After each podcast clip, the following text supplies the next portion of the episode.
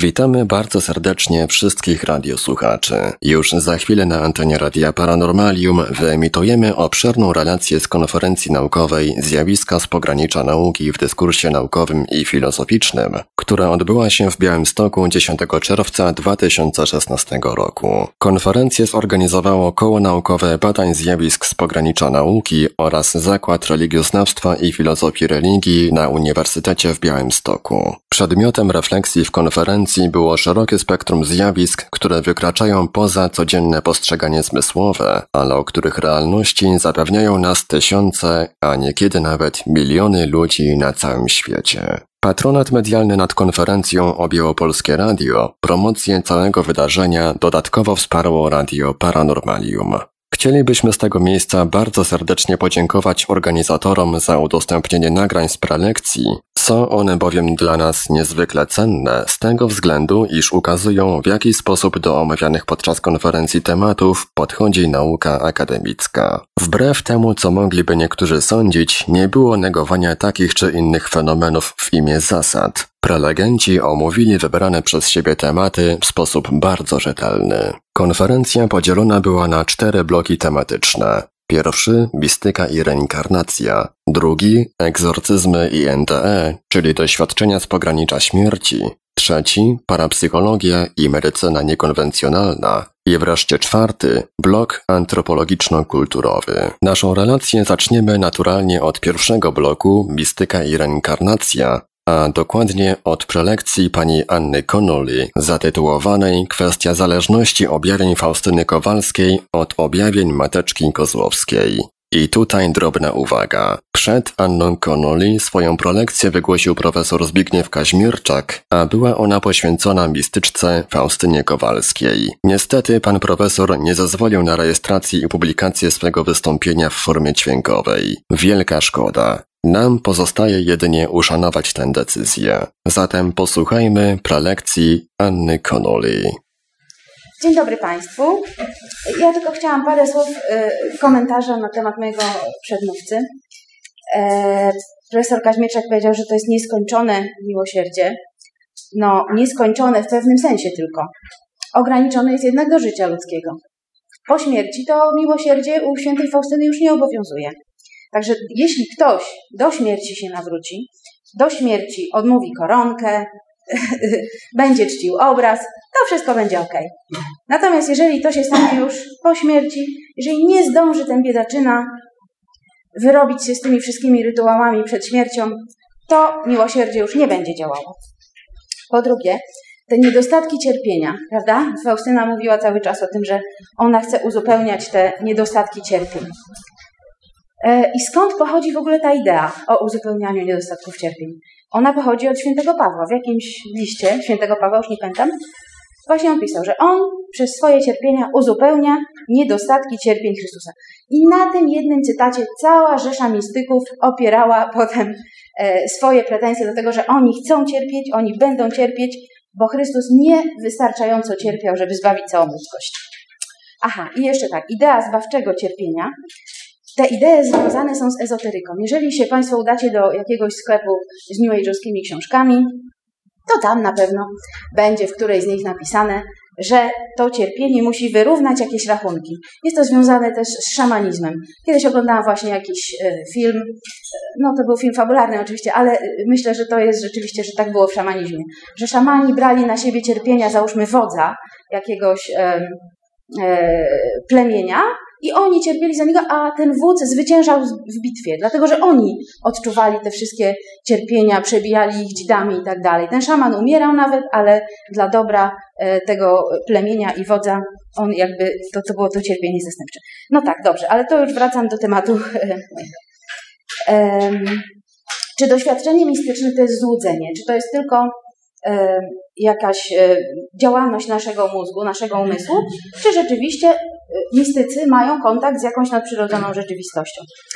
Co zrobić, jeżeli dwa objawienia, dwa doświadczenia mistyczne są bardzo do siebie podobne? Jakie mamy wtedy opcje? E, albo rzeczywistość metafizyczna objawia się dwóm osobom niezależnie, dwóm albo kilku osobom niezależnie, albo te osoby od siebie kopiują pewne rzeczy, czyli czytają, słuchają, nasiąkają kulturą pobożnością, która jest akurat w danym mm, czasie obowiązująca. I w historii mistyki chrześcijańskiej bardzo często się zdarzało takiego typu kopiowanie, że jeden coś usłyszał, przeczytał mistyczne mm, opowieści świętej Teresy i powtarzał to dalej. Czy jest to robione świadomie, czy nieświadomie, nie wiadomo. Czasami się przyznają do tego, że świadomie to robią, ale czasami wydaje się, że zupełnie to nieświadomie. Porównam dzisiaj objawienia dwóch mistyczek. Jedna to będzie święta Faustyna Kowalska, o której już mówił profesor Kaźmierczak i wszyscy pewnie znają, e, ponieważ jest tutaj w Białymstoku rondo świętej Faustyny, także myślę, że to, to, jest boha, boha, to jest jakby bohaterka Białego Stoku, tak samo jak y, ksiądz Sopoćko jest bohaterem też Białego Stoku. Nazywany jest Białystok miastem miłosierdzia, wyczytałam w internecie. E, w każdym razie drugą tą bohaterką... e, drugą bohaterką będzie mniej znana e, Polakom e, Feliksa Kozłowska, znana mateczką Kozłowską. Ona była założycielką Mariawitów, czyli taką e, to znaczy ona była wyklęta przez papieża, wyklęta przez Kościół katolicki. E, jeżeli się uważnie wczyta w objawienia obu tych mistyczek, to okazuje się, że wykazują one bardzo wielkie podobieństwa. Czyli e, być może Faustyna miała możliwość zapoznania się z objawieniami Mateczki Kozłowskiej. Obydwie te mistyczki żyły w bardzo podobnym czasie. Faustyna zmarła w 1938 roku, a e, Mateczka Kozłowska w 21. Mateczka Kozłowska dostała pierwsze objawienie od Jezusa E, w Płocku w 1893 roku. I gdzie dostała pierwsze objawienie Faustyna? Także w Płocku, no kilka, kilkadziesiąt lat później, w 1932 roku. Faustyna była ciągle przewożona z jednego ośrodka swojego zakonu do drugiego, ale w tym czasie, w 1931 roku, kiedy, w 1932, kiedy dostała to pierwsze objawienie, była w Płocku. Przebywała w domu zakonnym, który znajdował się na Starym Rynku w Płocku a ten dom zakonny był w odległości 500 metrów, jak sprawdziłam na mapie, od głównej świątyni, głównej katedry Mariawitów, świątyni miłosierdzia i miłości. Faustyna pracowała wtedy innymi w piekarni, czyli miała kontakt y, niejaki ze światem zewnętrznym. E, czy ktokolwiek zauważa te podobieństwa? No, jest to temat bardzo y, problematyczny, dlatego że e, rzymscy katolicy nie chcą się przyznać do tego, że te objawienia są podobne, dlatego że Mateczka Kozłowska została ekskomunikowana, natomiast Faustyna została kanonizowana. Mają z tym wielki problem. Także bardzo rzadko można znaleźć w literaturze jakiejś rzymskiej, rzymskokatolickiej, że te objawienia są podobne. Natomiast Mariawici nie mają takiego wielkiego problemu. Oficjalnie nie przyznają się do tego, że uważają, że Faustyna znała objawienia mateczki, ale e, ksiądz Rudnicki, ksiądz e, Mariawicki wiedział i zdawał sobie sprawę z tych podobieństw, natomiast przypisował je jedności dzieła Bożego, czyli uważał, że obydwie dostały od Boga bardzo podobny, dokładnie ten sam przekaz.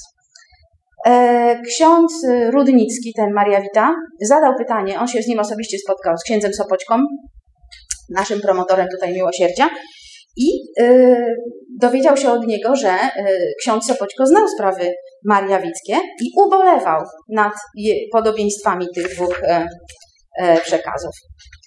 E, sama Faustyna nie przyznaje się nigdzie do tego, że czytała, czy w ogóle słyszała na temat Mateczki Kozłowskiej, czy objawień mariawickich.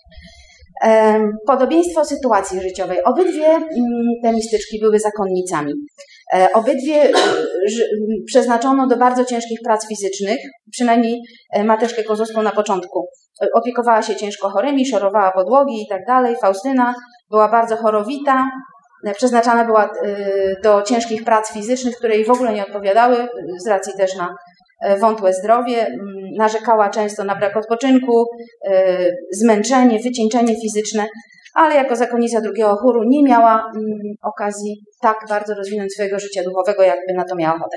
Obie miały duże ambicje takie duchowe. One były rozbudzone duchowo, one nie chciały tylko szorować podłóg, zajmować się tam mm, podstawowymi pracami, one chciały jakiś sens nadać swojemu życiu. Oczywiście podstawowym podobieństwem jest dzieło miłosierdzia, którym, któremu oddane były obie te mistyczki. E, Jezus objawił e, Mateczce Kozłowskiej polecenie rozprakowywania, rozprakowywania po świecie dzieła wielkiego miłosierdzia. Uczynił ją matką i mistrzynią miłosierdzia. Jezus tak samo nakazał e, Faustynie rozpowszechnianie dzieła miłosierdzia po całym świecie, Uczynił ją sekretarką, szafarką i apostołką miłosierdzia. E, mimo, że w rzymskim katolicyzmie przyjęło się, nie przyjęło się dzieło wielkiego miłosierdzia, tak jak w mariawityzmie, e, to jednak Faustyna w dzienniczku używa bardzo często sformułowania dzieło miłosierdzia. No nie mam czasu, żeby tu cytaty, ale, ale na pewno można znaleźć w dzienniczku wiele, e, wiele napomknień o dziele miłosierdzia. Jakie jest jeszcze podobieństwo między nimi? Podobieństwo jest w przekazie o ostatnim ratunku dla świata, o ostatniej desce ratunku dla ginącego świata. Straszny dzień sądu jest bliski. I dzieło wielkiego miłosierdzia jest dane światu po to, żeby poradzić sobie z, tym strasz, z tą straszną apokalipsą, e, która nadchodzi. E, Mateczka mówi, że dzieło miłosierdzia jest ostatnim ratunkiem danym grzesznej ludzkości. Faustyna mówi, że jest ostatnią deską ratunku dla dusz. E, co charakterystyczne dla obydwu mistyczek jest przeciwstawienie sprawiedliwości i miłosierdzia. Żyjemy w czasach ostatecznych, sprawiedliwość Boża jest już e, wymierzona dla ukarania całego świata i jedynie może być ona e, powstrzymana przez miłosierdzie. Faustyna mówi, jeśli nie przejdziecie przez drzwi miłosierdzia, musicie, musicie przejść przez drzwi sprawiedliwości. Jeśli grzesznicy uciekną przed miłosierdziem, wpadną w sprawiedliwe ręce Jezusa. Także Bóg tutaj się wydaje tutaj mm, strażnikiem tej e, sprawiedliwości, e, karzącej i skazującej na wieczne potępienie, a rola Faustyny jest taka, żeby e, odwracać ten gniew Boży, żeby wypraszać Boże miłosierdzie, rozbrajać zagniewanie Ojca. No, widać tutaj, że obraz Ojca, czyli Boga, jest po prostu straszny w, w objawieniach obydwu tych mistyczek. Co może uśmierzyć ten ten gniew ojca. No, tak jak mówił tutaj wcześniej profesor Kaźmierczak, może uśmierzyć to cierpienie, dobrowolne przyjmowanie cierpienie e, e, za grzeszników. Mateczka cierpi, aby ocalić kapłanów, a Faustyna cierpi, aby ocalić dusze grzeszników i e, dusze grzeszników odnoszą korzyści z jej cierpień. Tutaj mamy, mamy też powiązanie z ideą odkupienia, z, z ideą chrześcijańskiego odkupienia. E, tutaj wiadomo, że chrześcijanie uważają, że e, aby e, odkupić grzechy ludzkości, potrzebna była śmierć, męka i cierpienie Jezusa. Faustyna bezpośrednio nie mówi o tym, że ona jest odkupicielką, aczkolwiek można po analizie jej słów odnieść takie wrażenie, że uważa się w pewnym sensie za odkupicielkę. Czyli tak, Faustynie dostaje, daje Jezus cząstkę w odkupieniu rodzaju ludzkiego, a dzieło wielkiego miłosierdzia jest podobne do dzieła odkupienia. Sens cierpienia to już powiedziałam. E, ważną, ważn, ważnym wątkiem jest też ofiara. E, mateczka ma być ofiarą błagalną dla uproszenia miłosierdzia. E, Faustyna uważa się za hostię miłą Bogu i także ksiądz Kowalski, który był następcą Mateczki jako naczelnik Mariawitów, E, napisał w, w, pewnej modlitwie, że mateczka staje się hostią. Także to jest wyjątkowe. Natomiast idea ofiary jako takiej to nie jest taka e, znów nieznana e, wszystkim cierpiącym kobietom mistyczkom, bo one wszystkie się uważały, prawie wszystkie się uważały za ofiarę, która płonie na ołtarzu miłości. No, oczywiście one obydwie były oblubienicami Jezusa, poślubiły go mistycznie, były tak, uważały się także za nędzę i nicość w porównaniu z wielkością Boga. E, kolejne podobieństwo polega na poleceniu założenia nowego zgromadzenia przez Jezusa. E, mateczka założyła mm, zgromadzenie kapłanów Mariawitów. Jezus polecił Faustynie wyjść z tego zakonu, którym jest i założyć nowe, natomiast ona tego nigdy nie zrealizowała, bo e, zwierzchnictwo jej nie pozwoliło. Potem powstało takie zgromadzenie, aczkolwiek nie były wszystkie dyrektywy Faustyny zrealizowane. Miały, miała mieć fajne habity biało-czerwone, a w końcu nie ma żadnych zakonic w biało-czerwonych habitach, czego bardzo żałujemy. Podobieństwo y, tutaj możemy też zobaczyć w ułożeniu o, o, przez obydwie miastyczki koronki do miłosierdzia Bożego. Chodzi o uproszenie miłosierdzia, ale są niewielkie różnice, mało czasu nie mogę mówić. A, święte obrazki. E, święte obrazki. Wiadomo, y, tutaj jest Jezu, ufam Tobie, obrazek Faustyny. Oficjalnie Mariawici nie mieli żadnego świętego obrazka. Jako ciekawostkę powiem, że y, mieli zwyczaj według Konrada Koźmińskiego połykania jakichś sprasowanych obrazeczków, nazywało się to komunią mariawicką, sprasowywali obrazeczki Matki e, Boskiej e, Nieustającej Pomocy i to połykali. Ale w każdym razie znalazłam tutaj na wszystko. E, tutaj jest obrazek, który prawdopodobnie Mateczka Kozłowska otrzymała też jako z objawienia Jezusa według tradycji. Jakiś ksiądz katolicki napisał, że, że Mariawici czczą e, jakieś kabalistyczne mm, obrazki magiczne, które mają zapewnić e, po prostu pójście do nieba, odwrócenie wszelkich chorób i tak dalej. I zainteresowałam się w związku z tym kabałą. Kabała, y, głównym symbolem kabały jest drzewo dziesięciu sefirot. Sefiroty to są jakby przymioty Boga, uporządkowane w trzech kolumnach. Po lewej jest kolumna sprawiedliwości, po prawej miłości, a y, środkowa kolumna jest y, harmonią, czyli jakby zrównoważeniem.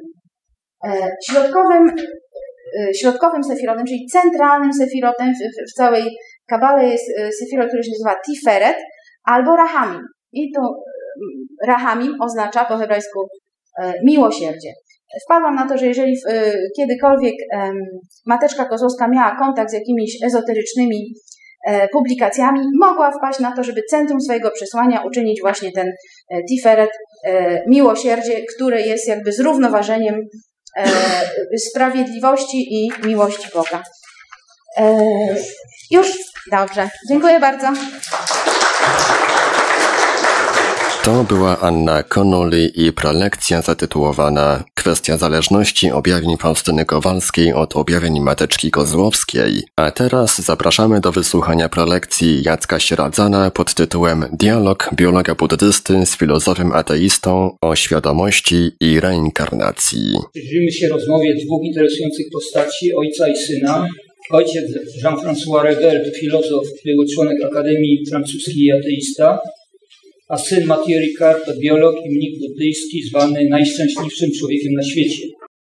To miano Ricard zyskał po przeskanowaniu jego mózgu przy pomocy rezonansu magnetycznego, który pokazał nadzwyczaj wysoki poziom pozytywnych emocji, minus 0,45 na skali, na której minus 0,3 uznaje się za stan błogości i niemal całkowity brak negatywnych emocji.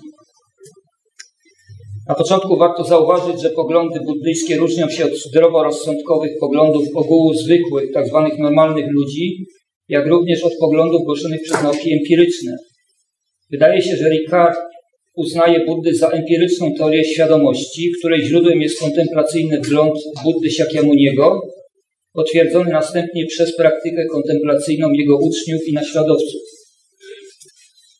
Buddyści odrzucają hinduską koncepcję niezmiennego boskiego ducha, czyli Atmana, przenoszącego się z życia na życie. Odrzucają także chrześcijańską teorię duszy każdorazowo stwarzanej przez Boga dla potrzeb nowego ciała i odrzucają kognitywne teorie, wedle których świadomość jest wytworem mózgu. Dwie pierwsze uznają za eternalistyczne, a trzecią za nihilistyczną. Buddyjska teoria świadomości jest dla nich środkową drogą między obiema skrajnościami. Ricard omawia buddyjską teorię świadomości, podkreśla, że świadomość jest niecielesna i niematerialna, a po śmierci odradza się. Jest ona serią bójsków spowodowanych przez poprzednie bójski. Każdy z nich trwa około 10 do minus 12 sekundy. Z perspektywy buddyjskiej rzeczywista jest tylko obecna chwila, pojedynczy błysk świadomości, który można nazwać momentem percepcji, momentem myśli albo chwilą życia. Wiedzę na ten temat zyskuje się dzięki buddyjskiej medytacji wglądu, czyli vipassany, będącej treningiem uważności.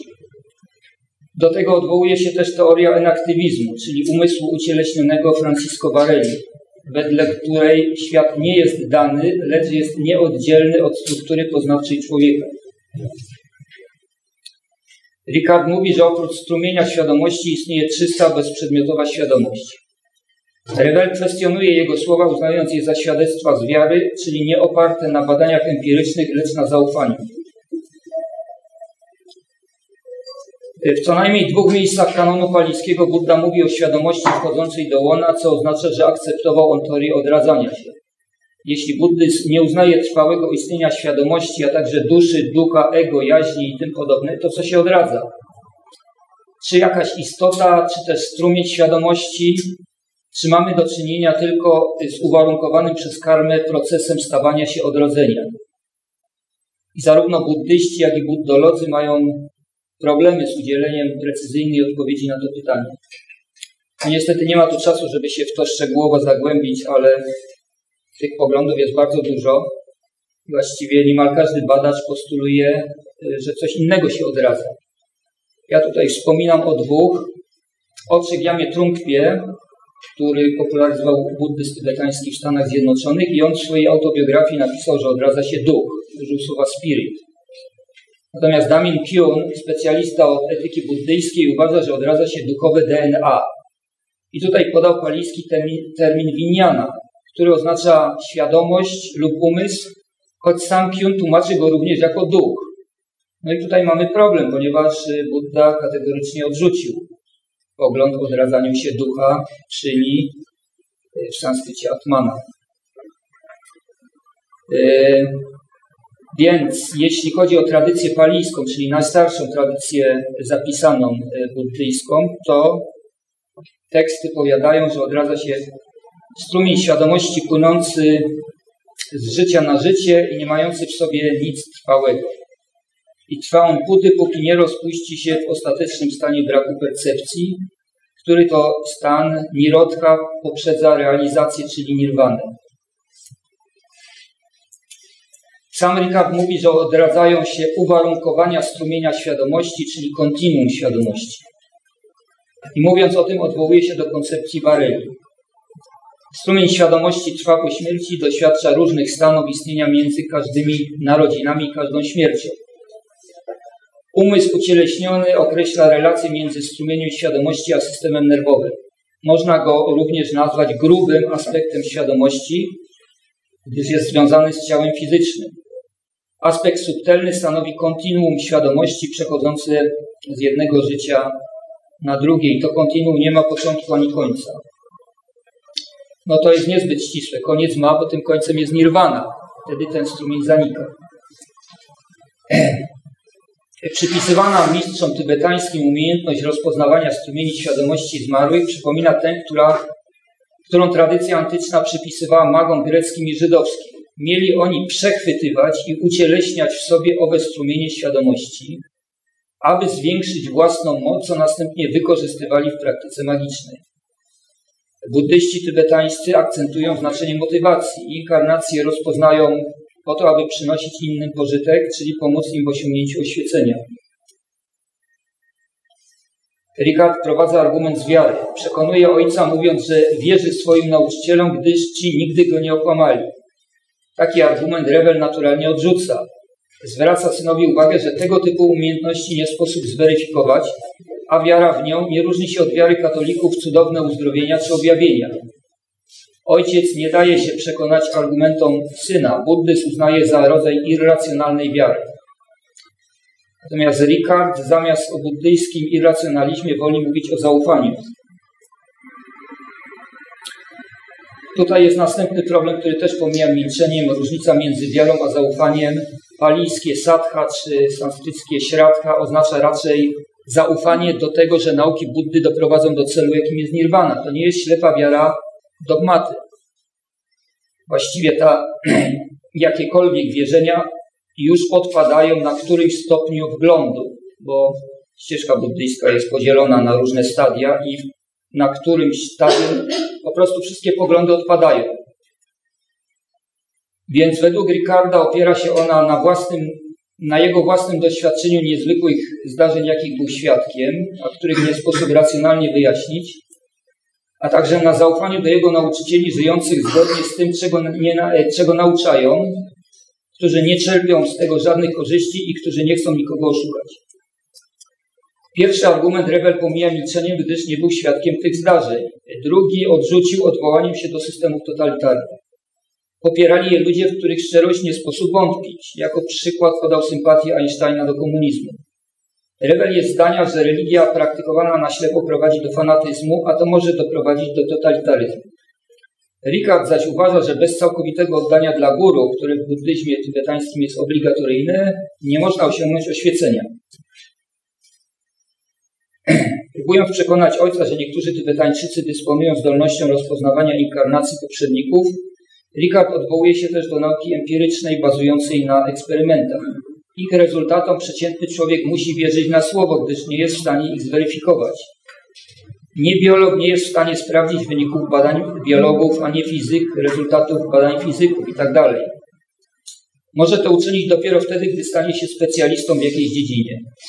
Analogiczny sposób umiejętność rozpoznawania tulku, czyli reinkarnacji, można nabyć poprzez zyskanie wysokich kwalifikacji medytacji po zrealizowaniu stanu czystej, bezprzedmiotowej świadomości. Teraz wnioski. Rozmowa Ricarda z Rewelem stanowi przykład dialogu na najwyższym poziomie poruszającego zagadnienia świadomości w kontekście nauki i religii. Konflikt racjonalisty z człowiekiem wierzącym jest nie do rozstrzygnięcia, gdyż to, co dla pierwszego jest zagrożeniem, dla drugiego jest sensem życia. Ricard z wykształcenia biolog odrzuca dogmat biologii, że życie przenosi się poprzez geny. Akceptuje natomiast buddyjską wiarę w odradzanie się, gdyż spełnia ona wiele funkcji tożsamościową, poznawczą, daje mu też poczucie spełnienia i szczęścia. Ricard odnalazł w buddyzmie sens życia. Zarówno buddyści, jak i enaktywiści utrzymują, że powierzchowne, czyli codzienne doświadczenie świadomości daje złudzenie jej ciągłości. Natomiast wgląd medytacyjny i enaktywizm pokazują, że świadomość jest nieciągła, składa się z serii błysków. W tym aspekcie buddyjska tradycja kontemplacyjna łączy się z enaktywizmem. Kwestią otwartą natomiast pozostaje status teorii odradzania się, a także tego, co się odradza. Dla obu dyskutantów to, że ta, a nie inna osoba została uznana za tulku, czyli reinkarnację poprzednika, jest kwestią zaufania. Jednak Ricard uważa, że to zaufanie nie jest ślepą wiarą, gdyż ma oparcie w dogłębnej znajomości buddyzmu i wieloletniej współpracy z duchownymi tybetańskimi, dysponującymi zdolnością ich rozpoznania. Dziękuję. Przed chwilą wysłuchaliśmy prelekcji Jacka Sieracana Dialog biologa buddysty z filozofem ateistą o świadomości i reinkarnacji, a teraz zapraszamy na prelekcję Izabeli Kamieńskiej. Zaprawdę powiadam ci, jeśli się kto nie narodzi powtórnie, nie może ujrzeć Królestwa Bożego, czyli o reinkarnacji słów kilka. Dzień dobry, ja nazywam się Izabela Kamieńska, jestem doktorantką tutaj na Wydziale e, Historii i Socjologii, ale skończyłam religioznawstwo i indologię na UJ, dlatego też e, reinkarnacja e, zawsze leżała w jakimś kręgu moich zainteresowań i z tego powodu dzisiaj będę o niej mówić, ale też zacznę trochę inaczej. Wpierw opowiem o takich ciekawszych informacjach, dopiero potem przechodząc do jakiegoś zarysu historycznego. Reinkarnacja E, jest to przekonanie, że dusza ludzka po śmierci ciała przenosi się e, w jakiś inny, tak? I w zależności od systemu filozoficznego lub religijnego, e, ta dusza może się przenieść albo wyłącznie do ciała ludzkiego, albo do ciała ludzkiego, zwierzęcego, roślinnego, a nawet do kamienia. Także może być ta reinkarnacja ograniczona wyłącznie do Ziemi, a na przykład w przypadku buddyzmu dopuszczana jest możliwość odrodzenia się na innych planetach. I reinkarnacja zazwyczaj kojarzy się nam z, y, ze wschodem. Tam też y, powstała koncepcja karmana, oznaczającego, że odradzanie się jest wynikiem naszych złych uczynków w poprzednim wcieleniu, a więc jest swego rodzaju karą i predestynuje nasze życie y, przyszłe, czyli nasz status społeczny, naszą płeć, ponieważ najczęściej uważa się, iż odrodzenie w, jako kobieta jest gorsze niż odrodzenie się jako mężczyzna. E, także nasze e, choroby i całe, e, całe przyszłe życie, cały los. Natomiast na Zachodzie reinkarnacja uważana jest raczej za możliwość naprawienia właśnie swoich złych uczynków, a także polepszenia, jakiegoś samoudoskonalania. Także wiara w reinkarnację mm, istnieje w Afryce i tam również oznacza ona afirmację życia, czyli raczej radość z tego, że można się ponownie narodzić.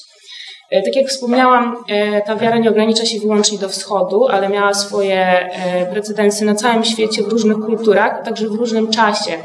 Jej początków szuka się już w paleolicie i związane jest to z postacią szamana, o którym uważa się, iż jako pierwszy miał dostęp do pokładów nieświadomości, o czym świadczą e, relacje szamanów na temat lotu szamańskiego, mm, oderwania duszy od ciała, a także pamięć szamanów w poprzednich wcieleniach, nawet recytowanie tych wcieleń e, aż do samego e, początku założenia danego rodu. W dzisiejszych czasach Istnieje kilka zjawisk, które bez założenia istnienia reinkarnacji jest bardzo trudno wyjaśnić. Jednym z takich zjawisk jest déjà vu, które, którego doświadczyło przynajmniej raz w życiu bardzo dużo ludzi. Ja sama pamiętam, że jako dziecko miałam takie doświadczenie i to jest bardzo silne emocjonalne przeżycie. E, które oznacza, które cechuje się tym, że mamy mm, przeświadczenie, że już w danej sytuacji się kiedyś znaleźliśmy. E, inną taką ewidentnie wskazującą na jakąś formę e, właśnie reinkarnacji jest pamięć poprzednich wcieleń, czyli dzieci, to są przede wszystkim dzieci, które pamiętają, że w poprzednim wcieleniu były kimś innym, mieszkały gdzie indziej, miały inną rodzinę. Do tego za chwilę jeszcze wrócę. Także lęk przed śmiercią. Twierdzi się, iż człowiek e, boi się śmierci, ponieważ już kiedyś ją przeżył i ta traumatyczna sytuacja pozostała w psychice i przez całe poprzednie życie przejawia się właśnie w tym lęku. Także takie rzeczy jak miłość od pierwszego wejrzenia, czy e, pokrewieństwo dusz, e, spotkanie człowieka, którego nigdy w życiu się nie widziało, a czuje się z nim jakiś kontakt, miałoby świadczyć, że znają się te osoby już z poprzednich wcieleń. Jakieś wrodzone predyspozycje, coś, co posiadamy, a czego na przykład nie było wcześniej w naszej rodzinie, coś, co posiadamy od, od urodzenia. E, co także wiąże się z genialnymi dziećmi. Tutaj najczęściej podaje się przykład Mozarta, który w wieku pięciu lat miał skomponować swoją pierwszą symfonię i bardzo trudno jest uwierzyć, że to dziecko, nie mając wcześniej prawda, jakichś możliwości nauczenia się komponowania muzyki, po prostu usiadło i to zrobiło. No i znajomość miejsc, która oznacza, że nigdy nie będąc w danym mieście czy, czy jakimś rejonie świata, nagle zna się to miejsce i jest się w stanie po prostu po nim poruszać, jakby się tam kiedyś było. Ludzie na całym świecie relacjonują takie swoje doświadczenia. Osobą, e, która mm, poświęciła swoje życie badaniu reinkarnacji był dr Ian Stevenson, a on przebadał ponad 3000 przypadków nie tylko ze wschodu, ale z całego świata e, i nazwał te przypadki mm, typami, e, czy przypadkami o typie reinkarnacji, jakby nie dając bezpośrednio e, takiego przyzwolenia, że wszystko to jest e, reinkarnacja. Tak naprawdę bardzo niewiele z tych trzech tysięcy uznał rzeczywiście na reinkarnację, ponieważ poddawał te wszystkie przypadki bardzo krytycznym e, badaniom i weryfikacji. Nie znalazłam informacji, ile rzeczywiście uznał za, e, za reinkarnację ale wyodrębnił kilka takich wspólnych elementów, które się przejawiały wśród tych wszystkich e, przypadków. To są przede wszystkim e, dzieci, czyli dzieci, które natychmiast po tym, jak nauczyły się mówić w wieku dwóch do, od dwóch do trzech lat, zaczynają e, przejawiać e, jakoś, e, jakieś wspomnienia poprzedniego życia, zaczynają mówić o tym, że, że to nie jest ich rodzina, że ktoś inny jest ich mamusią. Taka pamięć najczęściej zanika w okresie 10-11 lat, nazywane jest to najczęściej amnezją dziecinną, dziecięcą. I co jest najciekawsze, te dzieci nie tracą pamięci normalnego swojego dzieciństwa, jedynie te wspomnienia, e, które miałyby dotyczyć poprzedniego życia. To są również dzieci e, z kręgów kulturowych, gdzie wierzy się w reinkarnację. Oczywiście są przypadki dzieci e, posiadających wspomnienia poprzedniego życia z innych kręgów, ale najczęściej to jest jednak wschód i tam, gdzie reinkarnacja funkcjonuje. I Podejrzewa się też, że rodzice przyczyniają się do wspierania mm, tych dzieci, do jakiegoś zachęcania, aby kontynuowały rozmowę o tych poprzednich wcieleniach. E, także mówi się, iż te dzieci w odróżnieniu od swoich rówieśników są dużo dojrzalsze i e, widzi się różnica między, między tymi dziećmi a ich rówieśnikami. E, ale Stevenson zauważył też, że rodzice takich dzieci bardzo niechętnie chwalą się tym, że ich dziecko posiada wspomnienia poprzednich wcieleń, bojąc się, e, że to dziecko mogłoby po prostu przestać funkcjonować w normalnej rzeczywistości, wyalienować się od swoich rówieśników. Bardzo często też nie nawiązują kontaktów z rodziną, o której to dziecko wspomina. E, kolejnym takim elementem wspólnym jest to, że dzieci bardzo często mówią o poprzednich wcieleniach osoby spokrewnionej, czyli kogoś z rodziny. Oczywiście są przypadki, że, to, e, że te wspomnienia dotyczą też e, zupełnie nieznajomych ludzi mieszkających dala od, od tej rodziny, ale większość przypadków jednak sugeruje, że są to osoby spokrewnione, które w jakiś sposób umarły śmiercią drastyczną, traumatyczną, zostały zamordowane E, co pozostawiło na ich ciałach jakieś znaki, które e, przejawiały się u tych dzieci jakimiś znamionami, bliznami, wadami wrodzonymi, które odpowiadają tym samym ranom i znakom na ciele osoby zmarłej. Jeszcze ostatnią taką rzeczą to są fobie, y, które przejmują te dzieci od osób zmarłych, a które nie mają jakby poświadczenia w ich życiu, w ich życiu teraźniejszym. Jakby nie wydarzyło się nic, co mogłoby wskazywać, że ta fobia mogłaby powstać. E, I tutaj Stevenson e, badał e, przypadek chłopca, który pamiętał śmierć człowieka, który został postrzelony w klatkę piersiową.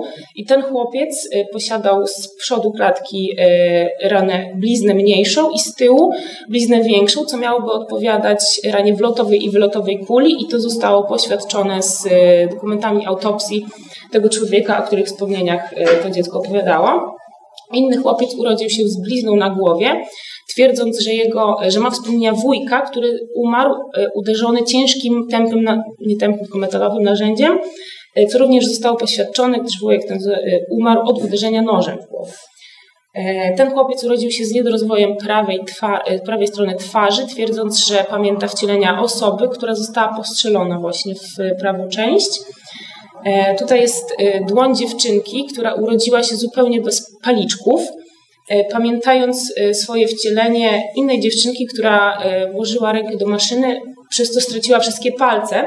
Tutaj mogło być wątpliwości, ponieważ istnieje taka mm, choroba wrodzona jak brachydaktylia, ale ona dotyczy, nikt nie dotyczy wszystkich paliczków. Tutaj jest zaznaczone na czarno, są elementy, które mogą ulec zmniejszeniu przy narodzeniu, ale jak widać to, to nie jest nigdy cała, cała dłoń, wszystkie palce.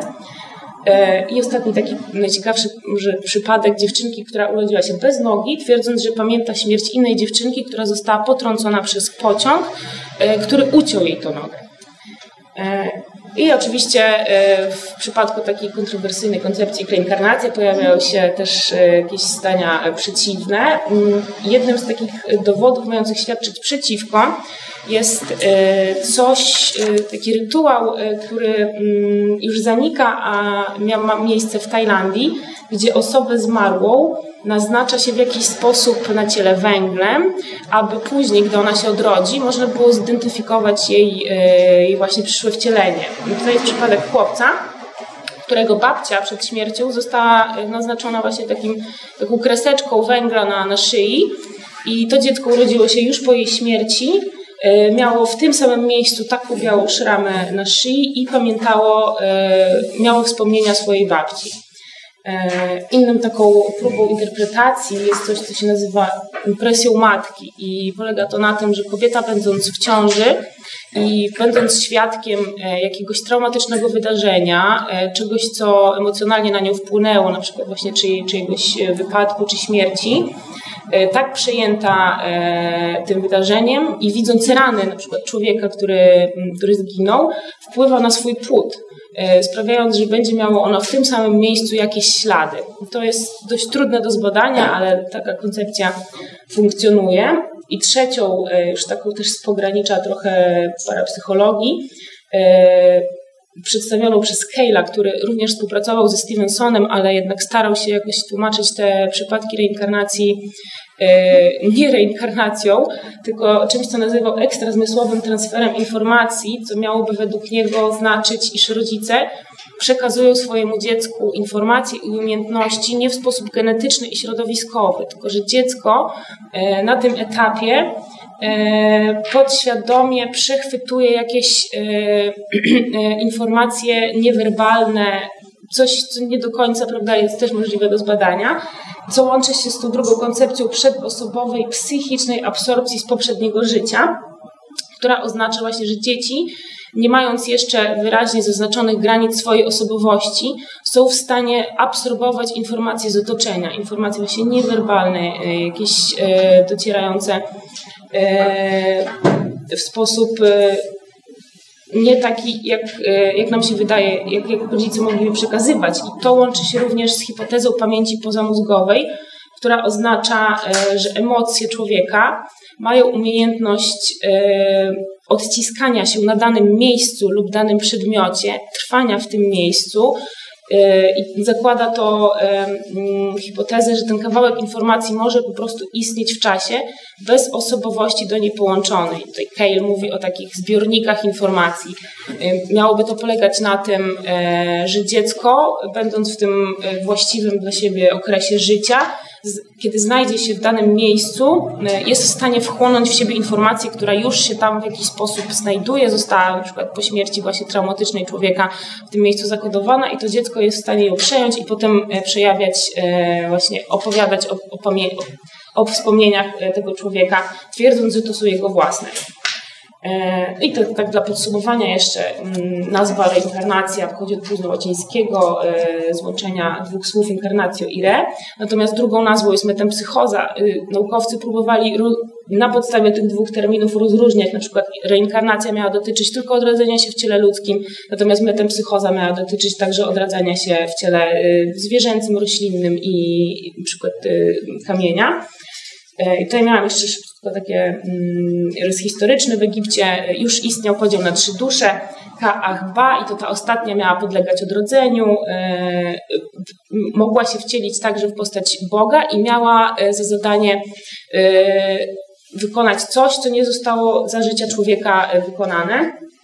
W Grecji istniał podział na duszę świadomą i nieświadomą. Ta nieświadoma ostatecznie zaczęła oznaczać indywiduum, E, Platon e, dużo na ten temat pisał. Prawdopodobnie właśnie Platon i platonicy wierzyli w reinkarnację, z tego powodu nie jedli mięsa, wierząc, że, że można się odrodzić właśnie też jako zwierzę. Tutaj Platon w Fydonie podaje z kolei słowa Sokratesa. E, w Rzymie aż pięć nazw, które miałyby oznaczać duszę i Potwierdzeniem tego na przykład jest e, właśnie wiersz e, Wirgiliusza, gdzie ostatnia zwrotka za ziemią tęskniąc w ciałach na świat się wychylą, tak jakby miałoby sugerować, że on wierzył w reinkarnację. No a słowa Cycerona już jakby e, zupełnie potwierdzają, że coś takiego, że ta wiara w reinkarnację mogła w Rzymie mieć miejsce. Germanie. Na podstawie rekonstrukcji wierzeń naukowcy wyodrębnili kilka takich elementów, y, które miałyby się znajdować człowieku. No, ciało materialne, siła fizyczno-duchowa, pamięć wewnętrzna, wewnętrzna siła napędowa Megin, która właśnie miała podlegać inkarnowaniu, miała być przenoszona przez flygię, czyli ducha opiekuńczego, a tym elementem, który wspierał to przenoszenie było imię. Dlatego bohaterowie sag bardzo często proszą e, swoich, e, swoją rodzinę, aby następne dziecko, które się urodzi, przyjęło imię tego bohatera. Wtedy ta siła wewnętrzna się reinkarnuje. Także tym, co, się, co podlegało reinkarnacji, było jednostkowe przeznaczenie. E, wśród Celtów bardzo trudno jest zrekonstruować wierzenia. Mm, tutaj możemy się posłużyć cytatem z Juliusza Cezara, który twierdzi, że druidzi e, posiadali takie przekonanie, że dusza nie ginie i próbowali je przekazać swoim wyznawcom. E, w judaizmie również trzy różne zasady duchowe człowieka, a nazwą na reinkarnację w hebrajskim jest Gilgul Neshamot, co bardzo mi się spodobała ta nazwa. No, najbardziej prawda, kojarzone z reinkarnacją kręgi subkontynentu indyjskiego, czyli hinduizm i buddyzm, w hinduizmie prawo karmana, wyzwolenie się moksza z kręgu samsary. W buddyzmie istnieje przekonanie, że nie istnieje jednostkowe ja, a bardzo enigmatyczne stwierdzenie w sanskrycie tatvam asi, ty jesteś tym, czyli atman człowieka jest brahmanem, ty jesteś brahmanem.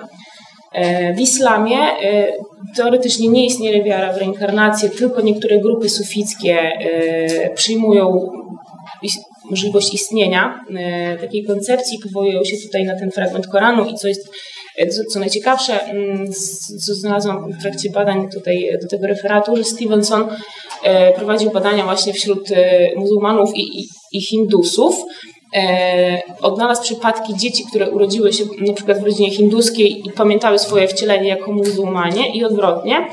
E, I odnalazł przypadek, e, chyba nie jeden nawet, Hindusa, który twierdził, że w poprzednim wcieleniu był muzułmaninem i urodził się obrzezany. E, o czym też mówi się, że Mahomet urodził się wesoły i już obrzedzany, czyli e, coś takiego e, rzeczywiście zostało potwierdzone. No i chrześcijaństwo, reinkarnacja była uznawana przez gnostyków i nestorian, nestorian natomiast została zakazana przez powszechny sobór, piąty sobór powszechny. Fragmentem, na którym powołują się zwolennicy reinkarnacji jest fragment z Ewangelii Świętego Jana, w którym podobno Jezus miał powiedzieć, że e, należy narodzić się na nowo. Innym takim fragmentem jest stwierdzenie, że Jan Chrzciciel miał być reinkarnacją Eliasza, natomiast y, przeciwnicy podają fragment z listów do Hebrajczyków, a jak postanowiono ludziom raz umrzeć, a potem sąd. I tym e, aspektem e, na późniejszą własną refleksję kończę. Dziękuję bardzo. Prelekcją Izabeli Kamieńskiej Zaprawdę powiadam Ci, jeśli się kto nie narodzi powtórnie, nie może ujrzeć Królestwa Bożego, czyli o reinkarnacji słów kilka, zakończyliśmy relację z pierwszego bloku tematycznego Mistyka i reinkarnacja. Po przerwniku muzycznym przejdziemy do prezentacji drugiego bloku pod tytułem Egzorcyzmy i NDE. Radio Paranormalium, paranormalny głos w Twoim domu. Zostańcie Państwo z nami.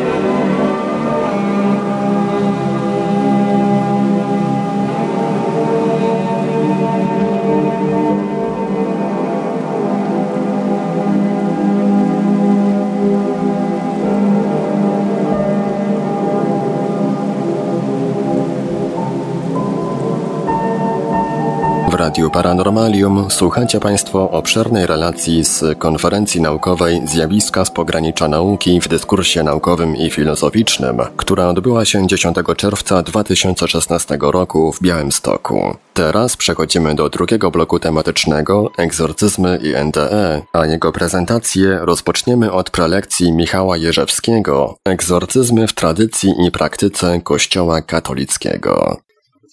Dzień dobry Państwu.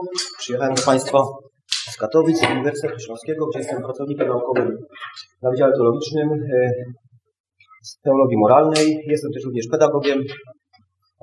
I chciałem przedstawić Państwu krótką taką zarys, bo to jest ogromny oczywiście zakres. E, natomiast chciałem przedstawić w taki sposób bardzo przystępny, konsultował się też lat, poszczególnie w tej części elektronicznej. Oczywiście na początku zaznaczam, że będę się poruszał w paradygmacie religii chrześcijańskiej, a ściśle mówiąc katolickiej, z dwóch powodów. Raz z mojej przynależności konfesyjnej, dwa z uprawianej dyscypliny, czyli teologii katolickiej, a drugi taki czynnik to jest to, że od wielu lat osobiście jako jestem świetnym asystentem podczas egzorcyzmów, modlitwy o uwolnienie, więc znam ten temat, że tak powiem, z doświadczenia, bo było mi to doświadczyć jako obserwator i pomocnik. Postawa Kościoła wobec zniewolenia demonicznego lub opętania nie może być w żadnym przypadku oderwana od jego zasadniczej misji i powołania, czyli od głoszenia dobrej nowiny o Chrystusie i konieczności odrzucenia grzechu. Zdiagnozowanie problemu i jego analiza pozwoliła na przestrzeni wieków wypracować i wdrożyć pewne praktyki religijne prowadzące do ochrony wiernych przed złem. Jednym z takich środków są sakramentalia. Ja tu będę używał oczywiście pewnych, pewnych pojęć teologicznych z racji no, tematu. Co to są sakramentalia? Sakramentalia to znaki święte ustanowione przez Kościół, które podobnie jak sakramenty oznaczają skutki, przede wszystkim duchowe, osiągane przez modlitwę Kościoła, które przygotowują ludzi do przyjęcia głównego skutku sakramentów, uświęcają różne okoliczności życia. Zawierają one zawsze modlitwę, której często towarzyszy jakiś określony znak, jak włożenie ręki, znak krzyża, pokropienie wodą święconą, znak przypominający chrzest. W odróżnieniu od sakramentów nie udzielają łaski Ducha Świętego, lecz uzdalniają do jej przyjęcia i współpracy z nią. Katechizm Kościoła katolickiego dzieli sakramentalia na błogosławieństwa, osób, posiłków, przedmiotów, miejsc i poświęcenia, kościoła, ołtarza, naczyń i szat liturgicznych. Błogosławieństwa mogą być udzielane, jeśli nie ma zakazu Kościoła, również niekatolikom. Gdy Kościół publicznie i na mocy swojej władzy prosi w imię Jezusa Chrystusa, by jakaś osoba lub przedmiot były strzeżone od napaści złego i wolne od jego panowania, mówimy o egzorcyzmach.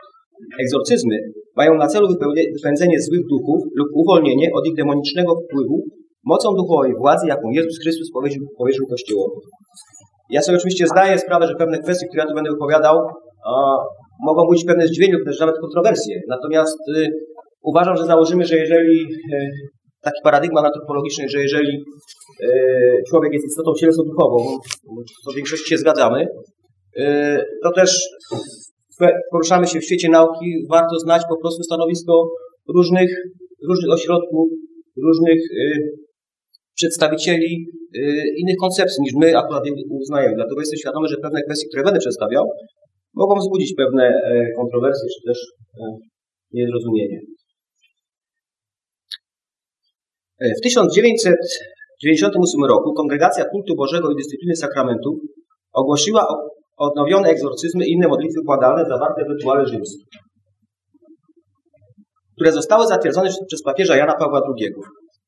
I dekret, y, który y, został przez Jana Pawła II podpisany, zaczyna się takimi słowami. Kościół posłuszny słowom modlitwy pańskiej i powodowany miłosierdziem już od najdawniejszych czasów zatroszczył się, aby wśród sakramentaliów umieścić błagania do Boga o wybawienie wiernych od wszelkich niebezpieczeństw, a zwłaszcza od diabelskich zasadzeń. Zdanie to wskazuje na to, iż egzorcyzmy znane były już w pierwszym chrześcijanom i są obecne w tradycji liturgicznej Kościoła od początku jego istnienia. Na przestrzeni wieków, jak to ma miejsce w większości obrzędów liturgicznych Kościoła, dokonały się w aspekcie ich rozumienia i stosowania rozmaite przemiany, które pozwalają usytuować je w ramach praktyki Kościoła i zaliczyć do pewnej oferty duchowej, jaką ma do dyspozycji Kościół oraz jaką proponuje swoim wiernym w ich drodze wewnętrznej przemian i dążenia do Boga. Analiza historyczna tej modlitwy błagalnej do Boga ukazuje jednak, że już pewne jej formy można znaleźć na kartach Starego Testamentu, choć w sensie ścisłym brak nim jednoznacznych opisów obrzędów dotyczących wypędzania demonów z człowieka, przedmiotu, zwierzęcia lub miejsca. Tę prawdę biblijno-historyczną o judaistycznych korzeniach egzorcyzmu potwierdza także Gabriel Amort. Amort, jeżeli Państwo nie znają, to jest o, jeden z najbardziej uznanych włoskich e, egzorcystów, powołał światowy, Światowe Stowarzyszenie Egzorcystów, a ma na swoim koncie kilkadziesiąt tysięcy dokonanych egzorcyzmów z większym lub mniejszym powodzeniem. A, natomiast jest on no, niekwestionowanym autorytetem w tej dziedzinie. Gabriel Amor podkreślając jednak, że dopiero Jezus w pełni korzystał z tej władzy wypędzania demonów, a następnie przekazał ją apostołom i wszystkim chrześcijanom. Dla Jezusa nie były jednak najważniejsze uzdrawiające efekty egzorcyzmu, lecz zawierająca się w nich manifestacja nadejścia Królestwa Bożego i ukazanie uczniom swej boskości. Do powyższego wniosku prowadzą słowa Jezusa skierowane do apostołów. A jeśli ja palcem Bożym wyrzucam złe duchy, to istotnie przyszło już do was Królestwo Boże. Czyli widzimy w pierwotnym zamyśle nie był to cel, tylko środek prowadzący do celu, jaki miało być zbawienie i osiągnięcie Królestwa Bożego. Moc egzorcyzmowania została przekazana przez Jezusa apostołom, o czym świadczą słowa autorów Ewangelii synoptycznych.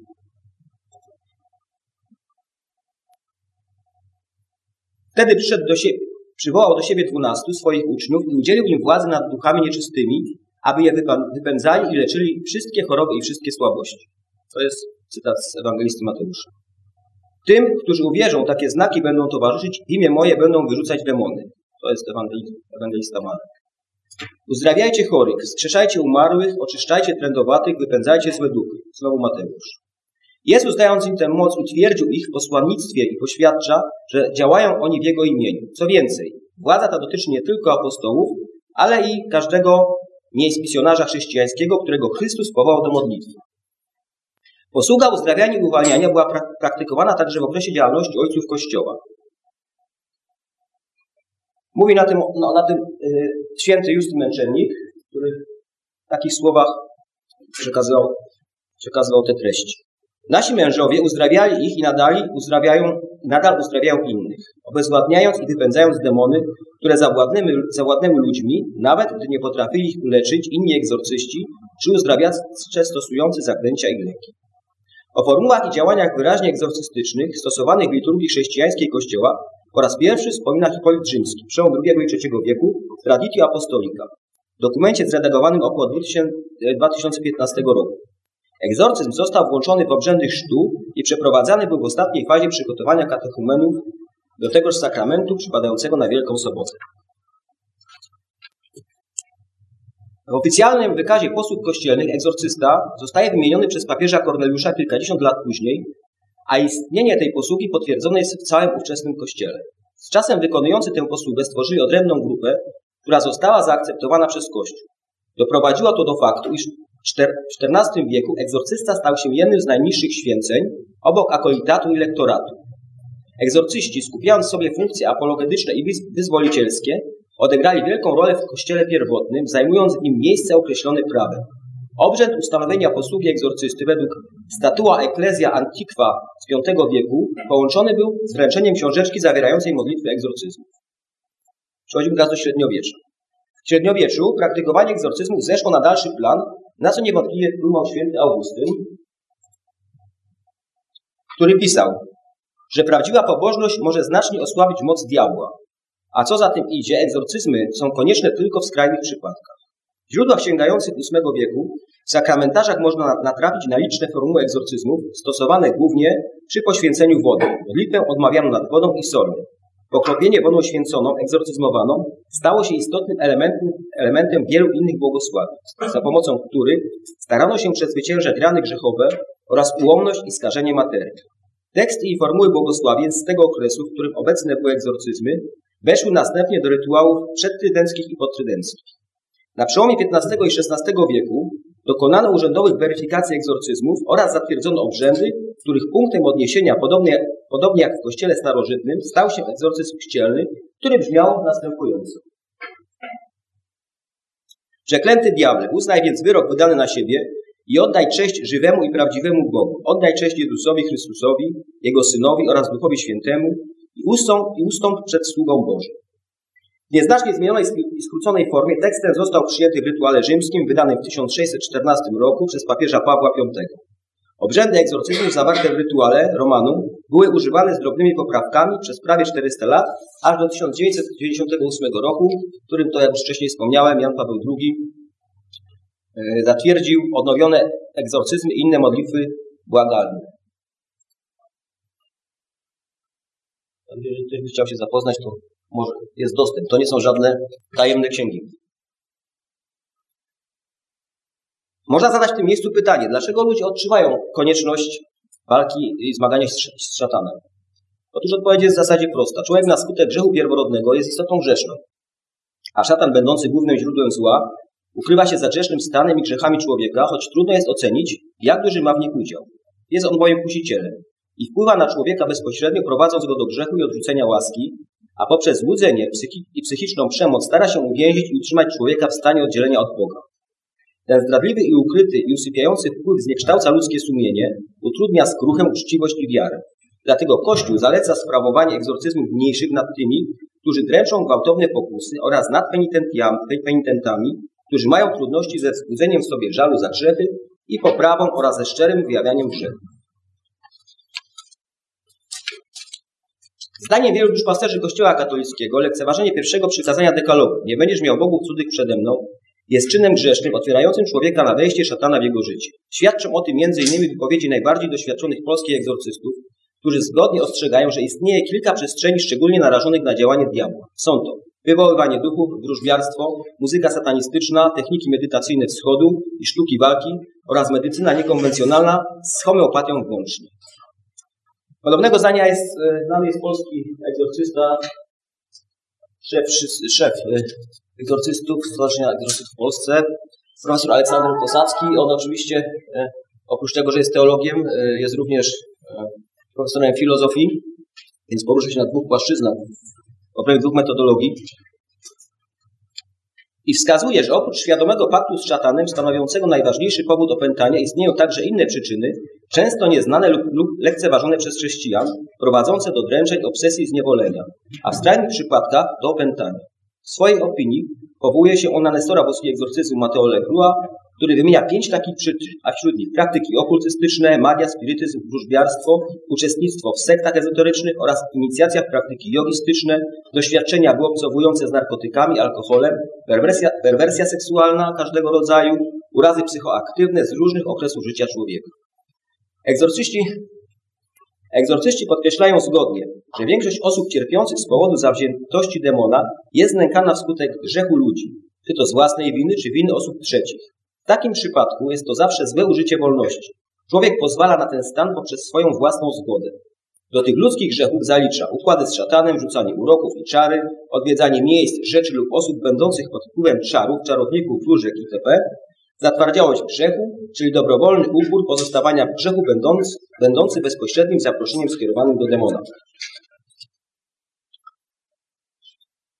Włodzimierz Cyran, kolejny e, egzorcysta archidiecezji e, częstochowskiej, w którym właśnie e, między innymi ja osobiście asystowałem podczas egzorcyzmów, zwraca uwagę na to, że reakcja sprzeciwu diabła powoduje ewangelizacja głoszona z mocą i to nie tylko w środowiskach typowo pogańskich, ale także w niektórych kręgach chrześcijańskich, które łamią pierwsze przykazanie, dekalogu.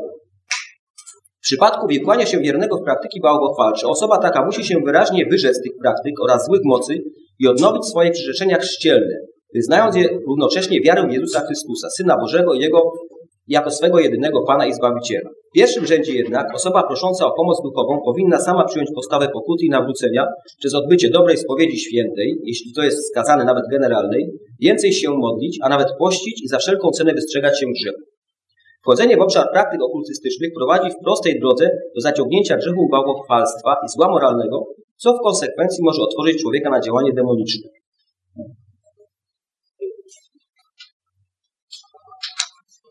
Jedny, jedną z, z przyczyn diabelskich ataków, zdaniem ojca Gabriela Morta, są czary, przez które rozumie on szkodzenie innym osobom za przyczyną złego ducha. Najbardziej rozpowszechnione wśród nich są uroki, kusła, przekleństwa, czy afrykańskie obrzędy magiczne makumba i buddizm.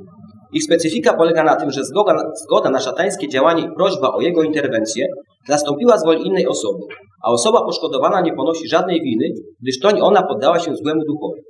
Trzeba tutaj zaznaczyć, optymistyczne konkluduje Amort, że wielokrotnie czary nie osiągają zamierzonego celu, gdyż na przykład skierowane są przeciwko komuś, kto żyje w łasce Bożej, kto jest zjednoczony z Panem, a więc jest uzbrojony, zabezpieczony przed złem. Można powiedzieć, że generalnie jest niejako odporniony na ataki, które mogą być wpierw w niego wymierzone za sprawą czarów. Przytoczone powyżej opinie i wnioski duszpasterzy Kościoła katolickiego, a także przykłady świadectw osób zniewolonych lub opętanych jednoznacznie wskazują na to, że w niektórych przypadkach grzechy bałwochwalstwa mogą prowadzić do otwarcia się człowieka na działanie szatana.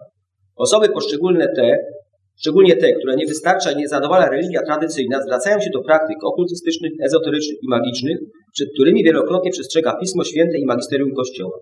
Aby uchronić i ewentualnie uwolnić wiernych powodowanych pewną intuicją i doświadczonych w tym, w tym względzie Urząd Nauczycielski Kościoła, włączył do obrzędu chrześcijańskiego wtajemniczenia dorosłych tzw. Tak egzorcyzmy mniejsze i wyrzeczenie się zła, które obecnie są w każdym z trzech stopni wtajemniczenia. E, I tutaj ja nie będę już czytywał dokładnie tych modlitw, proszę Państwu. E, natomiast e, trzeba sobie jasno powiedzieć, że o ile no, przynajmniej raz w życiu, czy dwa razy w życiu uczestniczyliśmy podczas chrztu małego dziecka, jeżeli się dobrze słuchamy, to tam ewidentnie jest wyrzeczenie się zła, bo jest kredo odmawiane i mówią wierni, wyrzekamy się. Ale jeśli Państwo dobrze się przysłuchają, to są dwa jeszcze egzorcyzmy, takie wymawiane przez y, kapłana. Natomiast w obrzędzie y, chrztu dorosłych, kiedy dorosły mógł być narażony na różne działania przez okres swojego dorosłego życia do momentu podjęcia decyzji o, o chrzcie, y, tam jest bardzo dokładnie te mniejsze egzorcyzmy wypowiadane. I na przykład, Panie, od, odpędź złe duchy, tchnieniem ust swoich, nakaż mi odejść, bo przybliżyło się Twoje królestwo. Trzeba więc, abyście teraz publicznie wyrzekli się tych mocy, które nie są Bogiem i kultów, które nie prowadzą do czci Boga. Nigdy nie porzućcie Boga i Jego Chrystusa, aby służyć innym mocom. Przez mękę i zmartwychwstanie swojego Syna wyryj go spod władzy ciemności, umocnij łaskę Chrystusa i nieustannie strzeż na drodze życia. Tak, już już o to chodzą. Trzeba jednak podkreślić, że egzorcyzm jest ostatecznym środkiem terapeutycznym praktykowany przez wspólnotę Kościoła, ale zatem pamiętaj, że w przypadku zniewoleń będących skutkiem grzechu, gdy nie ma stanu opętania, a jedynie jakieś związane, również sakrament pokuty i pojednania może, o, może nas uleczyć e, z tego stanu. I jeszcze bardzo ważne zdanie, to co jest y, często, chciałem podkreślić, co jest często pomijane we wszystkich jakichś programach egzorcyzmach, mówienia o egzorcyzmach, to jest fakt, że y, Mówiąc o pomocy osobom niezniewolonym lub pętanym, trzeba zaznaczyć, że pojawiające się u ludzi problemy, trudności czy zaburzenia psychiczne budzą, budzą zainteresowanie osób o różnej profesji, przede wszystkim jednak chęć niesienia pomocy. W jednym nieraz szeregu stają lekarz, psycholog, duszpasterz czy uzdrowiciel. Stąd w przypadku podejrzenia przypadku zniewolenia, ręczenia czy opętania konieczna staje się konsultacja psychologiczno-psychiatryczna i to chciałbym podkreślić. Bo bardzo często jest tak, że człowiek z takimi problemami ma problemy tak naprawdę związane z psychiką, a trafia do egzorcysty. Że problemy związane z leczeniem przez złego ducha trafiają do psychiatry, który nie potrafi sobie z tym poradzić przez y, wiele lat. Wskazane jest również odpowiednie przygotowanie egzorcysty z zakresu podstaw pomocy psychologicznej i psychopatologii, a psychologa z zakresu duchowości. Obydwie jednak muszą szanować odrębność swoich metod poznania i przedmiotów, ich wspólne działanie dialogu z człowiekiem cierpiącym doprowadziło do jego uzdrowienia. Musimy pamiętać, że są jednak dwa, dwie różne płaszczyzny zupełnie metodologiczne Dziękuję za uwagę. Jeżeli Państwo są zainteresowani, to ukazała się y, publikacja dwa lata temu mojego autorstwa, która dosyć szerzej mówi, ale w kontekście y, pierwszego przykazania. Także jeżeli ja tę książkę mam, to jeżeli są Państwo zainteresowani, ewentualnie na Allegro, także zapraszam. Dziękuję bardzo za uwagę. Michał Jerzewski opowiadał o egzorcyzmach w tradycji i praktyce Kościoła katolickiego, a teraz zapraszamy do wysłuchania prelekcji Natalii Stencel zatytułowanej Komu rozkazuje egzorcysta? Egzorcyzm jako forma leczenia symbolicznego. Tak, i właśnie jak wspomniał mój przedmówca, są różne stanowiska, więc ja zaprezentuję inne stanowisko, natomiast chciałabym od razu powiedzieć, że nie wykluczające niczego z tego, o czym mówił, e, o czym mówił mój przedmówca. Więc celem mojego wystąpienia nie jest oczywiście udzielenie jakiejś zdecydowanej i wyczerpującej odpowiedzi na, to, na te pytania zawarte w tytule. E, chodzi tutaj o to, żeby pokazać, że te wybrane koncepcje dotyczące zjawisk opętania i egzorcyzmu, mm, przyjęcie którejkolwiek z nich e, implikuje konieczność udzielenia e, odpowiedzi na bardzo poważne pytania filozoficzne związane no, właściwie ze strukturą świata. I dla porządku muszę powiedzieć, że fenomen opętania i egzorcyzmu, którym tym fenomenem zajmują się specjaliści z wielu dziedzin i oczywiście istnieją tutaj dość duże istotne rozbieżności dotyczące metodologii definiowania samej esencji zjawiska. E, są także fundamentalne różnice terminologiczne, od których chciałabym wyjść. Opętanie jako przedmiot praktyki egzorcyzmu definiowane przez psychiatrę i opętanie opisywane na przykład przez teologów albo antropologów kulturowych mogą w niektórych przypadkach e, odnosić się do różnych zjawisk. E, według podręcznika Klasyfikacja zaburzeń psychicznych i zaburzeń zachowania z 1998 roku opętanie definiuje się jako stan, w którym osoba jest przeświadczona, że została owładnięta przez ducha, moc, bóstwo lub inną osobę.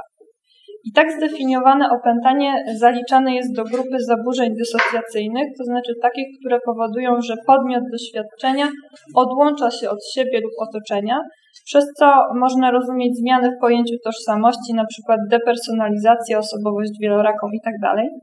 I następuje tutaj rozłączenie funkcji, które normalnie są zintegrowane, e, czyli świadomości, pamięci, tożsamości i percepcji. Dla księży egzorcystów te zaburzenia na e, tle psychicznym dają się odróżnić od opętania i stanowią tym samym osobny problem, a egzorcyzm jest praktyką stosowaną w bardzo niewielu przypadkach. Jak często mówią, tak zwanego prawdziwego opętania. E, I w tym punkcie widzimy już mm, pewne dwa sposoby ujmowania zjawiska opętania i egzorcyzmu. I rozbieżność tę można powiązać między innymi z różnicami w pojmowaniu natury zła oraz jego źródeł.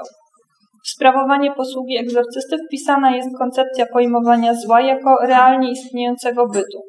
Na poziomie ontologii jest to więc opowiedzenie się za byciem zła w świecie, co stoi w sprzeczności na przykład z tą prywacyjną koncepcją zła, gdzie jest ono wyłącznie brakiem dobra, jak na przykład u e, Augustyna. Należy też podkreślić, że myśl nowożytna, wskazując bardzo silnie na myślący podmiot, umocniła tendencję do uwewnętrzniania problemu zła w tym sensie, że staje się ono problemem całkowicie zależnym od bytu ludzkiego i od umysłu i istniejącym tylko w powiązaniu z nim. To znaczy podmiot występowałby tutaj jako warunek zła, jako pewnego przedmiotu. Jak pisał Różewicz w Undemalum, Skąd się bierze zło? Jak to skąd? Z człowieka, zawsze z człowieka i tylko z człowieka. E, praktyka egzorcyzmu, tak jak pojmuje ją m.in. Kościół katolicki, e, ukierunkowana jest jednak nie na wyeliminowanie jakichś zaburzeń występujących tutaj ściśle w samym podmiocie, ale na uwolnienie podmiotu od zła, które niejako przyszło e, z zewnątrz i nie tylko jest bytem, ale wykazuje cechy pewnej osobowości, która Mm, działa w sposób celowy. I to, w jaki sposób udzielimy odpowiedzi na pytanie, komu rozkazuje egzorcysta, jest związane między innymi z przyjętą koncepcją zła, z poszukiwaniem tak zwanego zła źródłowego.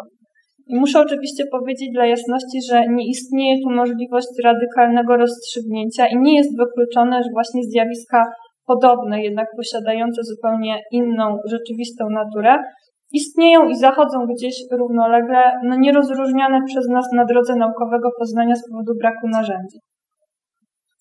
I tak na przykład istnienie osobowego zła, jego realnego, destrukcyjnego działania na człowieka nie wyklucza takiej sytuacji, w której egzorcyzm nie może być zastąpiony na przykład psychoterapią czy farmakoterapią, mimo faktu, że um, rzeczywistość opętania w konkretnym przypadku ogranicza się do przestrzeni albo raczej organizacji umysłu podmiotu, tam jest ostatecznie zakorzeniona i w rytuale egzorcyzmu biorą udział jedynie dwie osoby to znaczy egzorcysta i egzorcyzmowany, bez udziału tego trzeciego duchowego wrogiego bytu.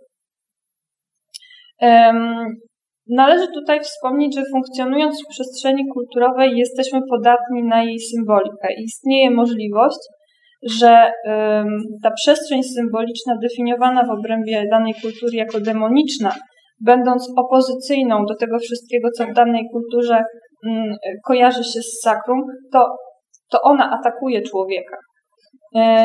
czy raczej człowiek czuje się przez nią atakowany. E, oczywiście w takim przypadku źródło skuteczności egzorcyzmu będzie zupełnie inne niż w okolicznościach, w których występowałoby to osobowe zło.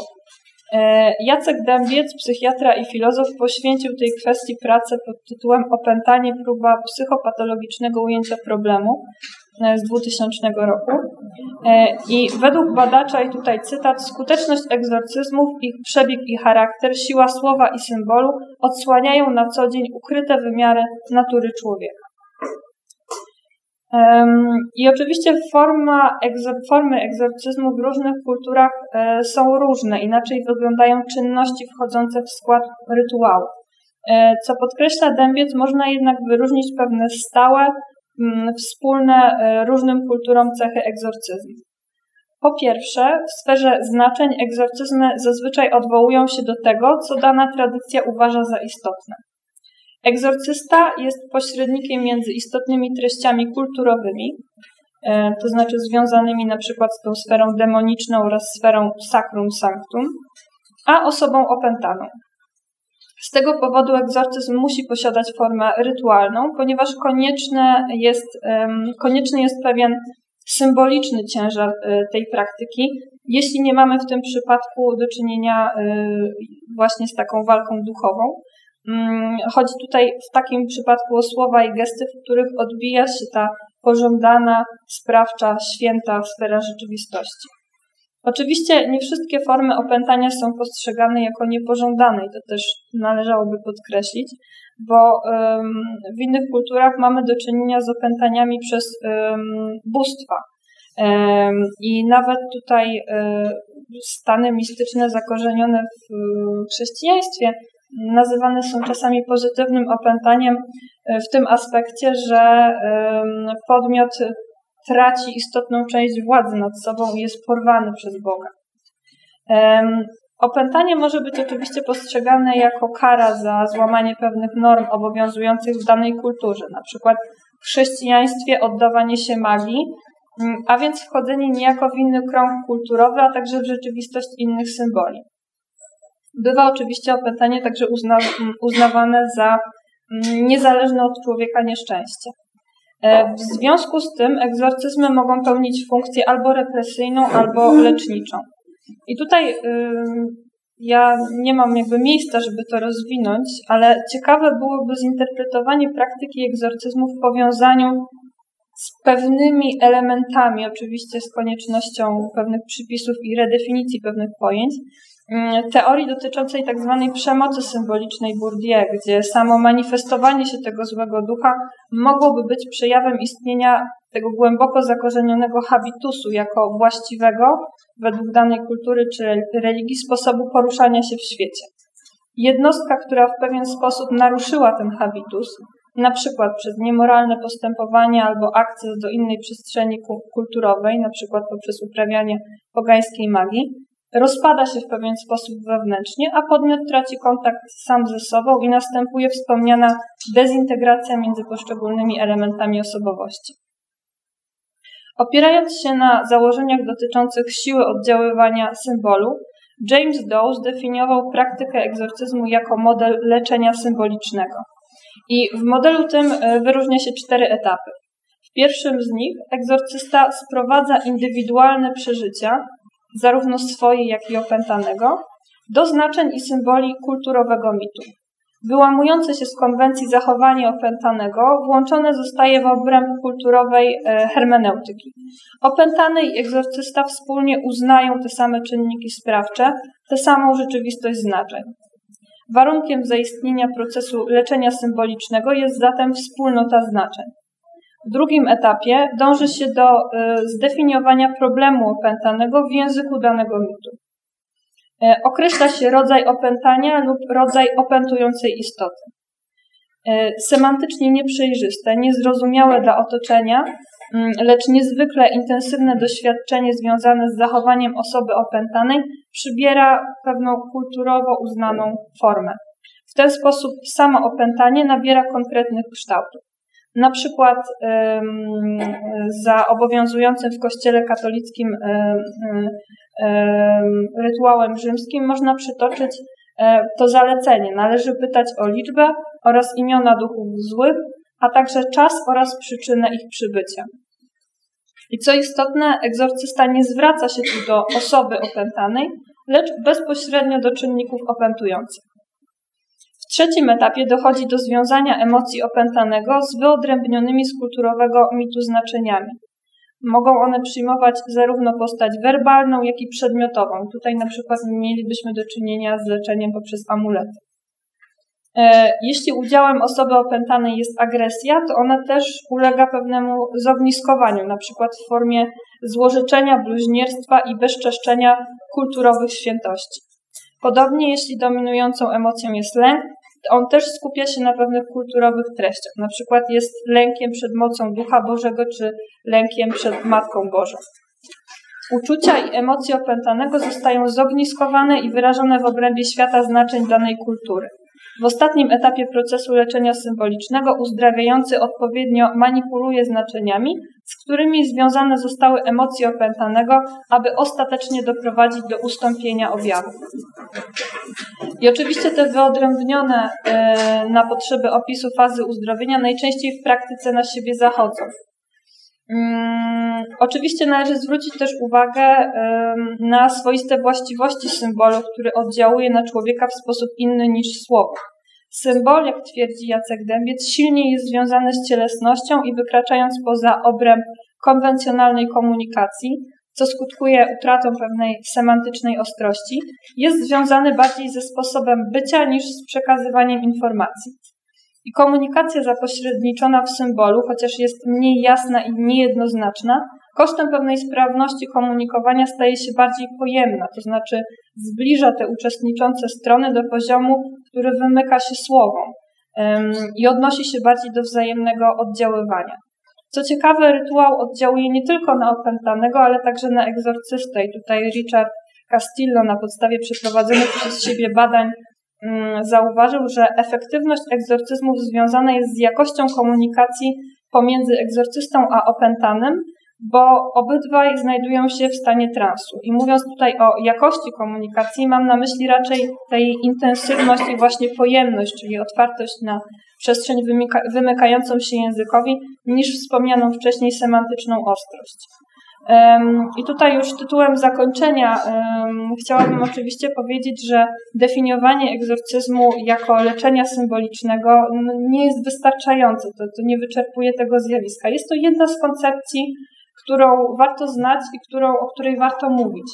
Natomiast, natomiast wszystkie inne należy się otworzyć na wszystkie inne i mieć tę świadomość, że jest to zjawisko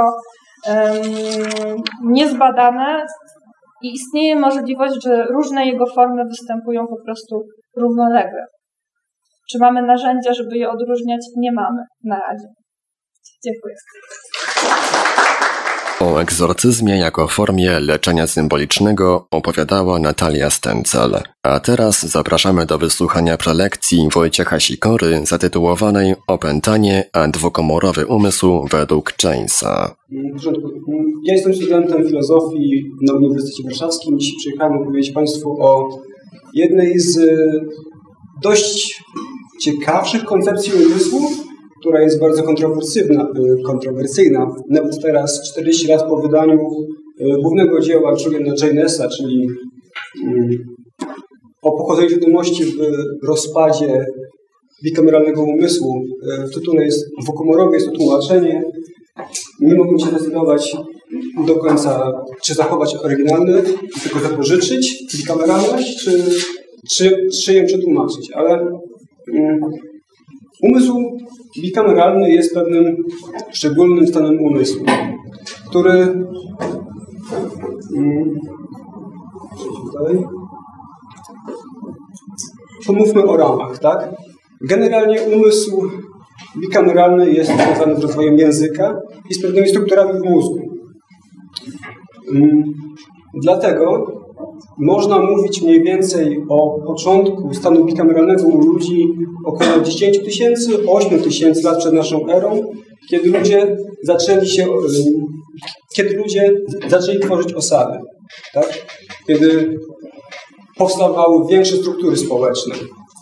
I koniec tego okresu nastąpił około półtora tysiąca lat przed naszą erą, kiedy nastąpiły bardzo gwałtowne zmiany społeczne i również przyrodnicze. Między innymi w około 1250 roku przed naszą erą doszło do erupcji Tery.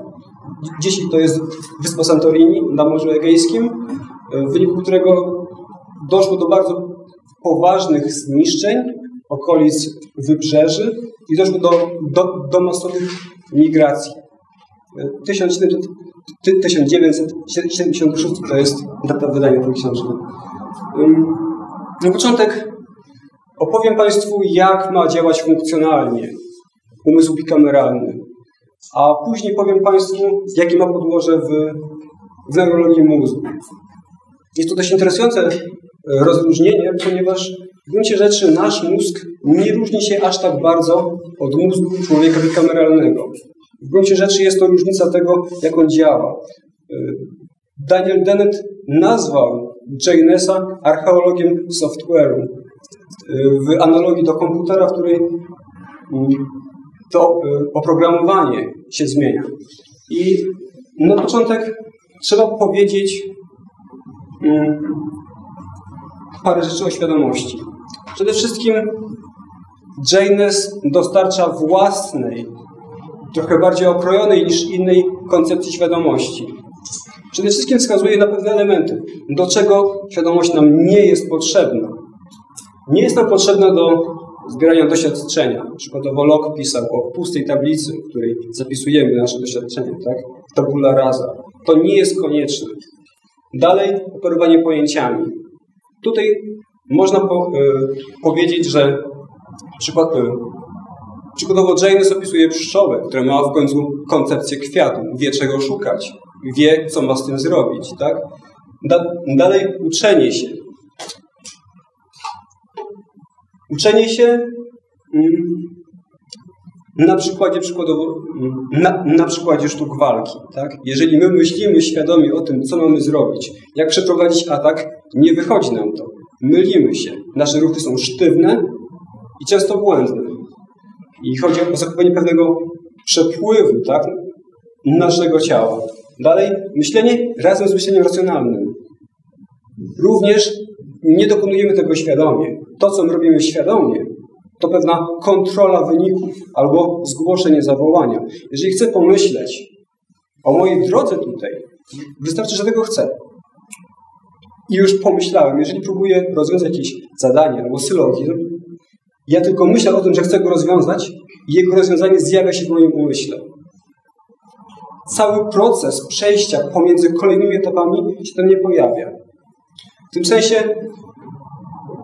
Jane, y, i, i, i dlatego Janes przedstawia własną koncepcję świadomości, która jest no przede wszystkim oparta na, oparta na języku. Tak? Chodzi o to, że przy pomocy metafor różnego rodzaju my budujemy analogia we, wewnątrz siebie. Tak? nasze myśli są przestrzenne, w tym sensie, że metafory, których używamy, sprawiają, że wyobrażamy sobie przestrzeń. I w, tej przestrzeni, którą sobie zbudujemy w naszym umyśle, umieszczamy siebie. To nie tylko tak, jak ja patrzę się na państwa, tak, z, z mojej perspektywy, ale również pojawia się metafora mnie, która jest zanurzona między innymi w narratyzacji. Tym sensie ja jestem w stanie przedstawić sobie, siebie w tej sali, właściwie z perspektywy każdego miejsca w niej.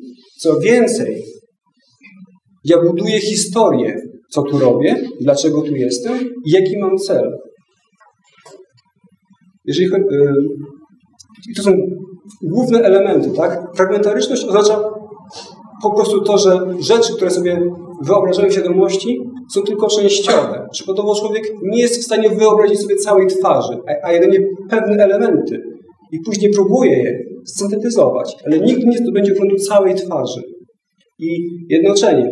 Chodzi o to, że mm, chodzi o to, jak zbieramy doświadczenie do e, jeden spójny element, tak? Budujemy kolejną naszą wiedzę, zbierając elementy. Jeżeli coś pojawia się w tym samym czasie, jest to tym samym, znaczy jest to częścią tego samego doświadczenia. I jeżeli chodzi o przestrzenność, na, na marginesie również nasze poczucie czasowości jest przedstawione przestrzennie. My zapamiętujemy czas jako następujące po sobie wydarzenia. Jeżeli mm, to się bardzo często pojawia w gestykulacji, tak? Jeżeli ktoś mówi o tym, co się wydarzyło kiedyś, albo wydarzyło się później, z reguły pokazujemy przestrzeni, gdzie jest przeszłość, gdzie jest przyszłość. Mm. W takim razie, jak działał umysł bikameralny? Generalnie osoba bikameralna słyszała głosy bogów na porządku dziennym. W tym sensie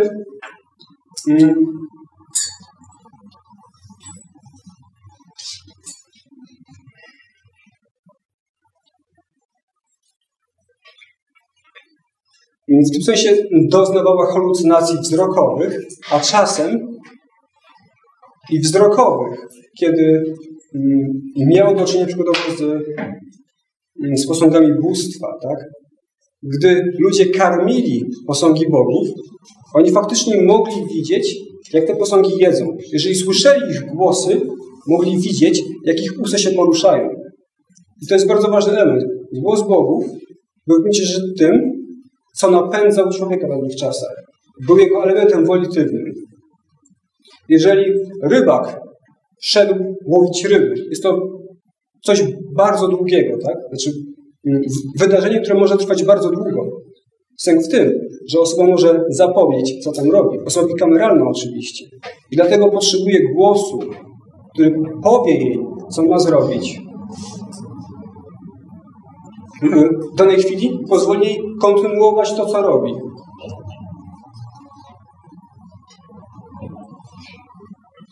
I, i to doprowadziło do zbudowania mm, i, i, to funkcjonowanie umysłu bikameralnego spowodowało, że ludzie mogli budować społeczności.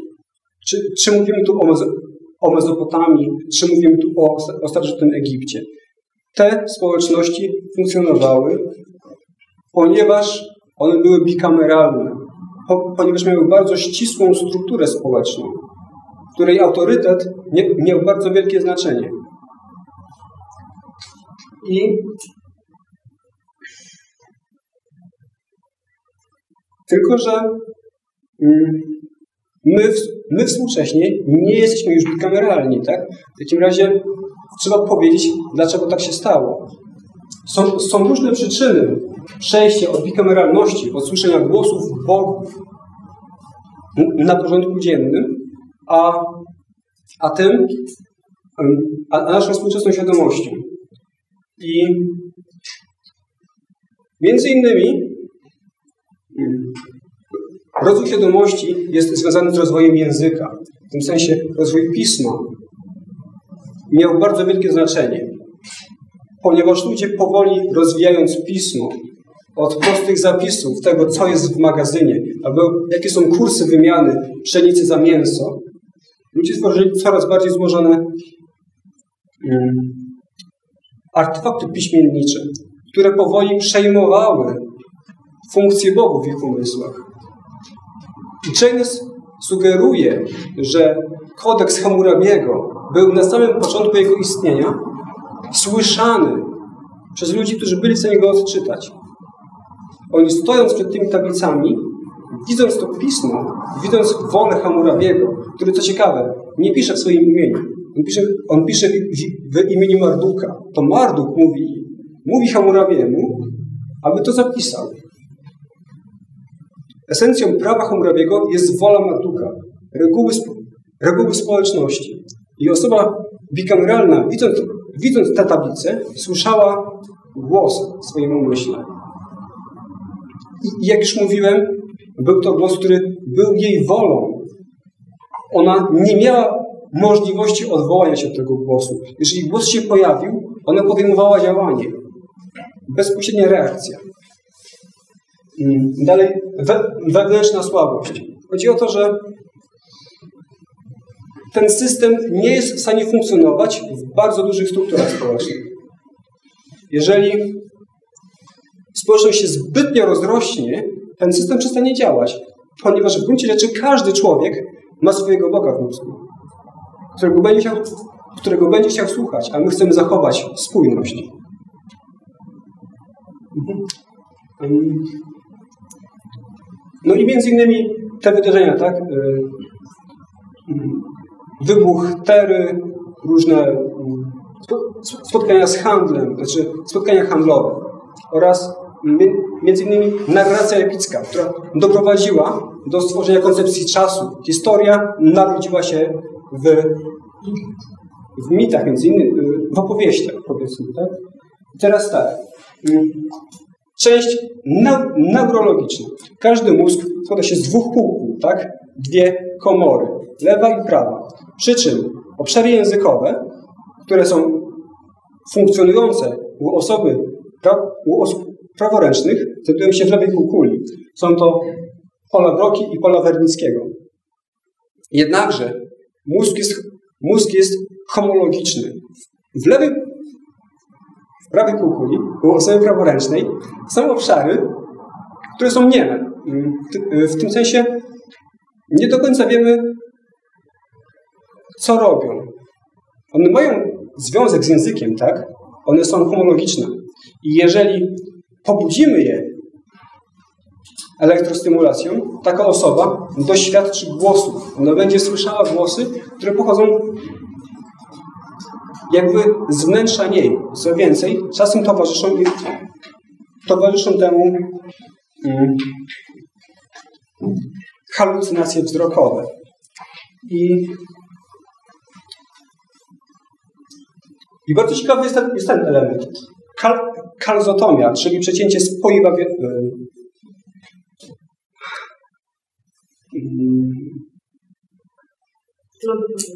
nie, nie, nie. Chodzi, Spoiwo wielkie, tak. To jest element w mózgu, który łączy obie półkule.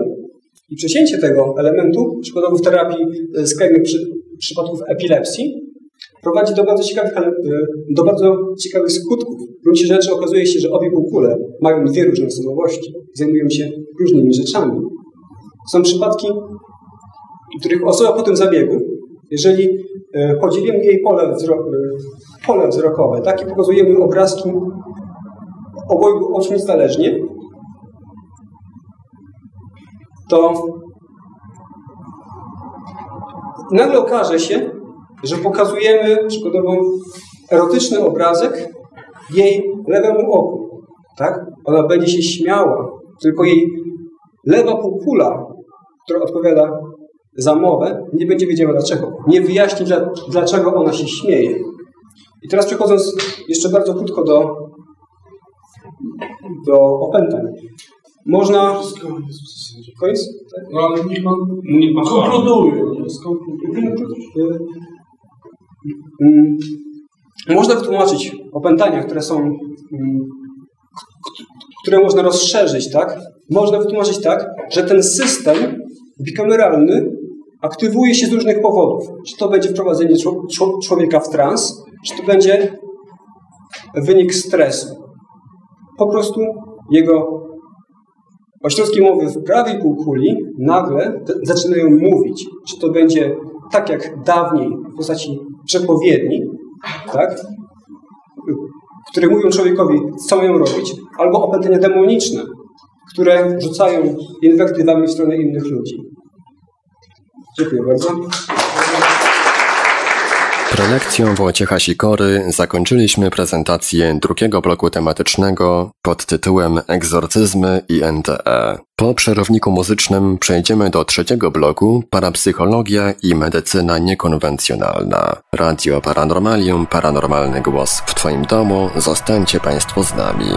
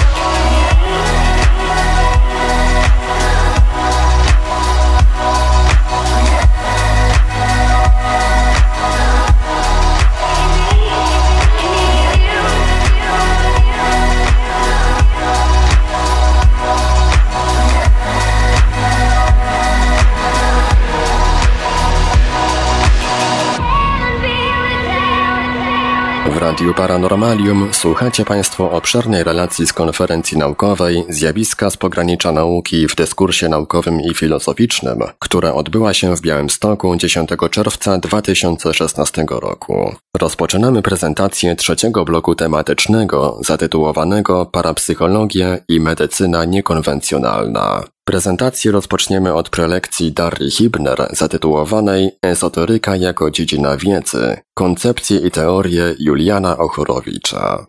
Julian Ochorowicz niestety jest już postacią trochę zapomnianą, już trochę upadła w mroku dziejów. To jest, ma związek z tym, że on popadł w konflikt e, ze środowiskiem lekarskim warszawskim. Zaatakowała go bardzo mocno gazeta, gazeta lekarska w Warszawie. No to już był koniec jego kariery, chociaż był bardzo znany na zachodzie ale też powiem trochę o jego życiu oraz tym, jaką mamy sytuację na terenach ówczesnej Polski. Przede wszystkim, oprócz tego, że mamy powstania, klęskę, klęskę powstania styczniowego, to również jest to kuźnia myśli idei. Ale jest to kuźnia myśli, która w tym momencie dochodzi do przełomu. Z jednej strony kończy się jakby epoka młodoheglistów. Umierają ostatni przedstawiciele, część wyjechała na zachód, a część już y, nie działa aktywnie. E, Julian Ochorowicz należy do środowiska e, pozytywizmu warszawskiego. Jest to inny rodzaj pozytywizmu niż ten pozytywizm, który znamy ze szkoły pod postacią Aleksandra Świętochowskiego że praca u podstaw, e, że działanie na rzecz ludu. Julian Ochorowicz chciał, żeby pozytywizm w Polsce był dziedziną psychologiczno-filozoficzną. On sam urodził się w Radzyminie pod Warszawą w 1850 roku. Pochodził z rodziny nauczycielskiej. Po klęsce powstania musiał przenieść się do Lublina i tam poznał na przykład Bolesława Prusa e, czy Aleksandra Świętochowskiego. Aleksander Świętochowski opisuje go w następujący sposób. Był to chłopiec cichy i pobożny. Wsiadywał zawsze na pierwszym miejscu w pierwszej ławce, wkuwał swoje lekcje i dbał tylko o swoje nagrody. E, ci panowie potem przez całe życie będą się nienawidzić. Aleksander Świętochowski będzie mówił o tym, że Julian Ochorowicz był hochsztaplerem, wydumanym pseudofilozofem. E, w swoich dziennikach, które opublikowane były w 1921 roku, wspomina, że tylko on wymyślił pozytywizm. Ale Aleksander Świętochowski nie miał na przykład pojęcia o dziełach Augusta Comta, które jakby na grunt polski e, przeniósł Julian Ochorowicz. E, po zakończeniu edukacji gimnazjalnej w Lublinie i powrocie do Warszawy rozpoczął studia na Wydziale Filologiczno-Historycznym, a potem na Wydziale Fizyczno-Matematycznym. Już w wieku 17 lat otrzymał e, bardzo poważną nagrodę. Zdobył srebrny medal za pracę o metodzie badań psychologicznych. Proszę zauważyć, że w tym czasie psychologia jeszcze jako nauka nie istnieje. To są dopiero początki. On już w wieku 17 lat zaczyna pisać taką pracę. Tą pracę pochwalił Henryk Struwe, z którym również będzie się nienawidził w późniejszym okresie. Będzie na przykład robił takie rzeczy, że będzie pisał pracę pod pseudonimem, żeby Struwe je oceniał, a potem pokazywał się, ha, to jestem ja. I oni mieli właśnie cały czas taki konflikt ze sobą. E, w 1872 i 1873 przebywał w Lipsku, gdzie otrzymał stopień doktora po dysertacji o warunkach świadomości. On ją prowadził wraz z zespołem Wilhelma Wundta. I co tutaj się dzieje, jeżeli chodzi o psychologię? Są trzy tak naprawdę wielkie ośrodki badań psychologicznych. To jest właśnie Wilhelm Wundt, Franz Brentano, który zajmuje się psychologią taką, którą my kojarzymy ówcześnie. Oczywiście to jest bardzo duży skrót i lekkie nadużycie, ale tak, tak można o tym powiedzieć. Oraz mamy ośrodek francuski, do którego wyjedzie Julian Ochorowicz, gdzie zajmowano się też takimi zjawiskami jak mediumizm, hipnologia i wszystko to, co dzisiaj możemy nazywać parapsychologią czy ezoteryką. Należy jednak pamiętać, że w XIX wieku ezoteryka, parapsychologia były uznawane na przykład we Francji za równorzędny dział nauk ezoteryka zmieniła trochę nazwę, że to nie była wiedza tajemna, tylko wiedza jeszcze nieodkryta przez naukę. W tym sensie, że nie mamy odpowiednich narzędzi, aby zbadać te zjawiska. To, o czym było mowa na niektórych referatach wcześniej, że możemy na przykład naukowo potwierdzić, czy wychodzenie z ciała to jest tym, a tym. Julian Ochorowicz chce zrobić coś podobnego, aby sprowadzić te wszystkie zjawiska, które wydają nam się niewytłumaczalne, dziwne, czy dziwaczne, czy quasi-religijne do badań naukowych. To wiąże się też z tym, co się dzieje w XIX wieku i z kryzysem metafizyki i religii. Z jednej strony mamy wielki boom naukowy, wielką ideę postępu, że człowiek jest miarą wszech rzeczy, możemy wszystko osiągnąć. Na przykład w tygodniku ilustrowanym, takiej gazetce właśnie wydawanej w Polsce, były takie artykuły, gdzie mówiono, że kiedyś będą wielkie kule gazowe krążyły po ziemi i one będą nas ogrzewać, albo będziemy mieli latające pojazdy. Było pełno takich informacji i wszyscy interesowali się nauką. Bardzo wiele prac Ochorowicza to są odczyty. na przykład o sprzeczności w nauce. On udowadnia na przykład, że to, czym posługujemy się w nauce, pojęciami typu masa, siła, grawitacja, tak naprawdę nie są ani zdefiniowane, ani naukowe, bo czym tak naprawdę była zawsze ta różnica, ta linia demarkacyjna pomiędzy nauką a magią? To była kwestia argumentacji.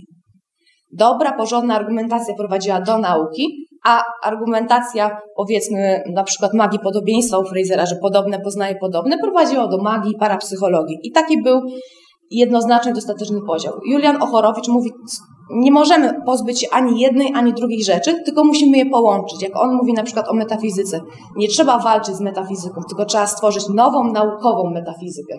I to będzie właśnie zadaniem i działalnością jego życia. E, jeżeli chodzi o jego zainteresowanie zjawiskami z pogranicza właśnie mediumizmu, hipnologii, transfiguracji, materializacji, on pisze, że doznał po prostu, że spokorniał jak baranek po tym, kiedy Henryk Siemieracki zaprosił go na pokaz Euzabii Paladino. To była jedna z największych mediów w ówczesnym, e, e, w ówczesnym czasie. I on wtedy pisze coś takiego w swoim liście, że on spokorniał jak baranek. Ale już w jego dzienniku, który zresztą wydał w wieku 18 lat, nazywał się z dziennika psychologa, czyli on już się uznawał za psychologa. To jest zupełnie inna tradycja niż angielska, gdzie tam zawsze te dzienniki są nazywane droga, jak stałem się na przykład filozofem, matematykiem i tak dalej. On już w tym dzienniku daje przykład tego, że zawsze interesowało go to, co nowe i odkrywcze. Z jednej strony w dzienniku właśnie pisze o mediumizmie, mediologii, ale też pisze o badaniach z pogranic, pogranica eugeniki. On na przykład w dzieciństwie mierzył czaszki swoich kolegów. Takie, takie miał hobby. I są bardzo mocno, e, bardzo, bardzo, bardzo wielkie notatki na ten temat.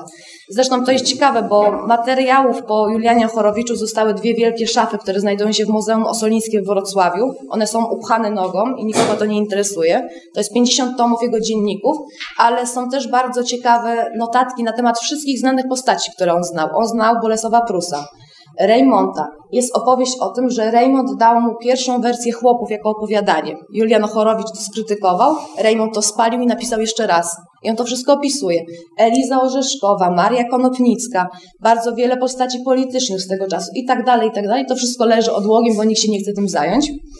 Więc jeżeli ktoś miałby ochotę, to zachęcam, stworzyć jakąś grupę, bo to jest naprawdę ogromny materiał. On znał francuski, niemiecki, polski i tak dalej, tak dalej. To jest w różnych językach. I w tych notatkach właśnie opisywał bardzo dokładnie wszystkie osoby, które znał pod względem fizjologicznym, psychologicznym i tak dalej, i tak dalej. Ale to, co mu się przydarzyło, czyli tak jak wyjechał do Francji, został odznaczony tam medalem też Akademii Umiejętności za to, że napisał pracę o sugestii mentalnej. On to było naprawdę ogromne wyróżnienie. Pisano o nim wszędzie. On stał się po prostu sławą. On pracował w Instytucie Szereta, Wozinam i w innych, bo tam były bardzo mocno, bardzo wiele francuskich ośrodków zajmujących się hipnologią i mediumizmem. I te ośrodki prowadziły badania w następujący sposób. Jak sprawdzano Chorowicza? Przychodziło 10 kobiet i on stworzył coś takiego, co się nazywało hipnoskopem. Można zobaczyć hipnoskopem, to była taka obręcz zakładana na palec bo on prowadził badania w taki sposób, że był uczniem Wunta i prowadził badania w empiryczny sposób, czyli siedział i obserwował przypadki. Na przykład badał 50 kobiet i w których występowało na przykład jakieś odchylenia, jakieś drgania, to zapisywał to w zeszycie. Jest pełno takich notatek i przychodziło na przykład do niego 10 kobiet, stawiano, była cała komisja oczywiście, i on musiał za pomocą hipnoskopu, hipnoskopu powiedzieć, która z nich ma histerię. I zazwyczaj mu się to udawało za pomocą tego hipnoskopu. Tak wyglądały badania. Dlaczego też tak wiele osób interesowało się na przykład ezoteryką? Bo na przykład Ochorowicz odwołuje się do mesmeryzmu. E, Franz Anton Messner, on uznał, że w organizmie istnieje coś takiego jak fluid uniwersalny i poprzez badanie tego fluidu możemy wpływać na inne osoby. To w 1794 roku przez oczywiście komisję, bo lekarze często robią to na zasadzie komisji, zostało uznane za bzdurę i że to nie ma potwierdzenia naukowego. Ale bardzo wiele osób jeździło do Mesmera, tam on stworzył taką wielką bańkę, gdzie przychodzono, tam badano się, czy tam leczono i bardzo wiele osób to pomogło. Oczywiście tam było też wiele osób, które po prostu chciały być sławne i po prostu być w tej bańce i tak dalej. Ale dlaczego też wiele osób właśnie zwracało się do takich rzeczy z pogranicza nauki? Dlatego, jak, dlatego, że lekarze w tym czasie nie leczyli pacjenta tylko choroby. Julian Ochorowicz bardzo dokładnie opisuje, jak, jak wyglądała instytucja Szereta. Na przykład była pani, która leżała w swoich po prostu własnych e, wydzielinach organizmu, której nikt nie karmił, której nie było kontaktu z rzeczywistością i przychodzili tylko kolejni lekarze badać jakieś objawy u niej, na przykład czy uderzą ją młoteczkiem w kolano, czy podniesie nogę. Nie było, nie było niczego takiego jak kontakt z pacjentem, czy, le, czy rozmowa, czy leczenie choroby psychicznej. Jeżeli trafiło się do szpitala psychiatrycznego, to stawało się już obiektem naukowym. Ochorowicz też na początku badał tak swoich pacjentów, ale potem od uczuć i choroby postanowił zmienić swoje podejście i on był pierwszy przed Freudem. Zresztą on zorganizował pierwszy, pierwszą konferencję psychologii fizjologicznej, kiedy jeszcze się, jeszcze się kłócono, czy to ma być psychologia, czy to ma nie być psychologia i jej gościem był Zygmunt Freud. Jest podpis jego, że on był i słuchał Ochorowicza. Kiedyś też zapytano się Freuda, co sądzi o takich badaczach, którzy odeszli od tej prawdziwej, twardej psychologii i zostali na przykład właśnie mediumistami, hipnologami. I on powiedział, że to jest tylko kwestia czasu i kontekstu, bo on jakby się urodził 15 lat wcześniej, to poszedłby drogą Ochorowicza.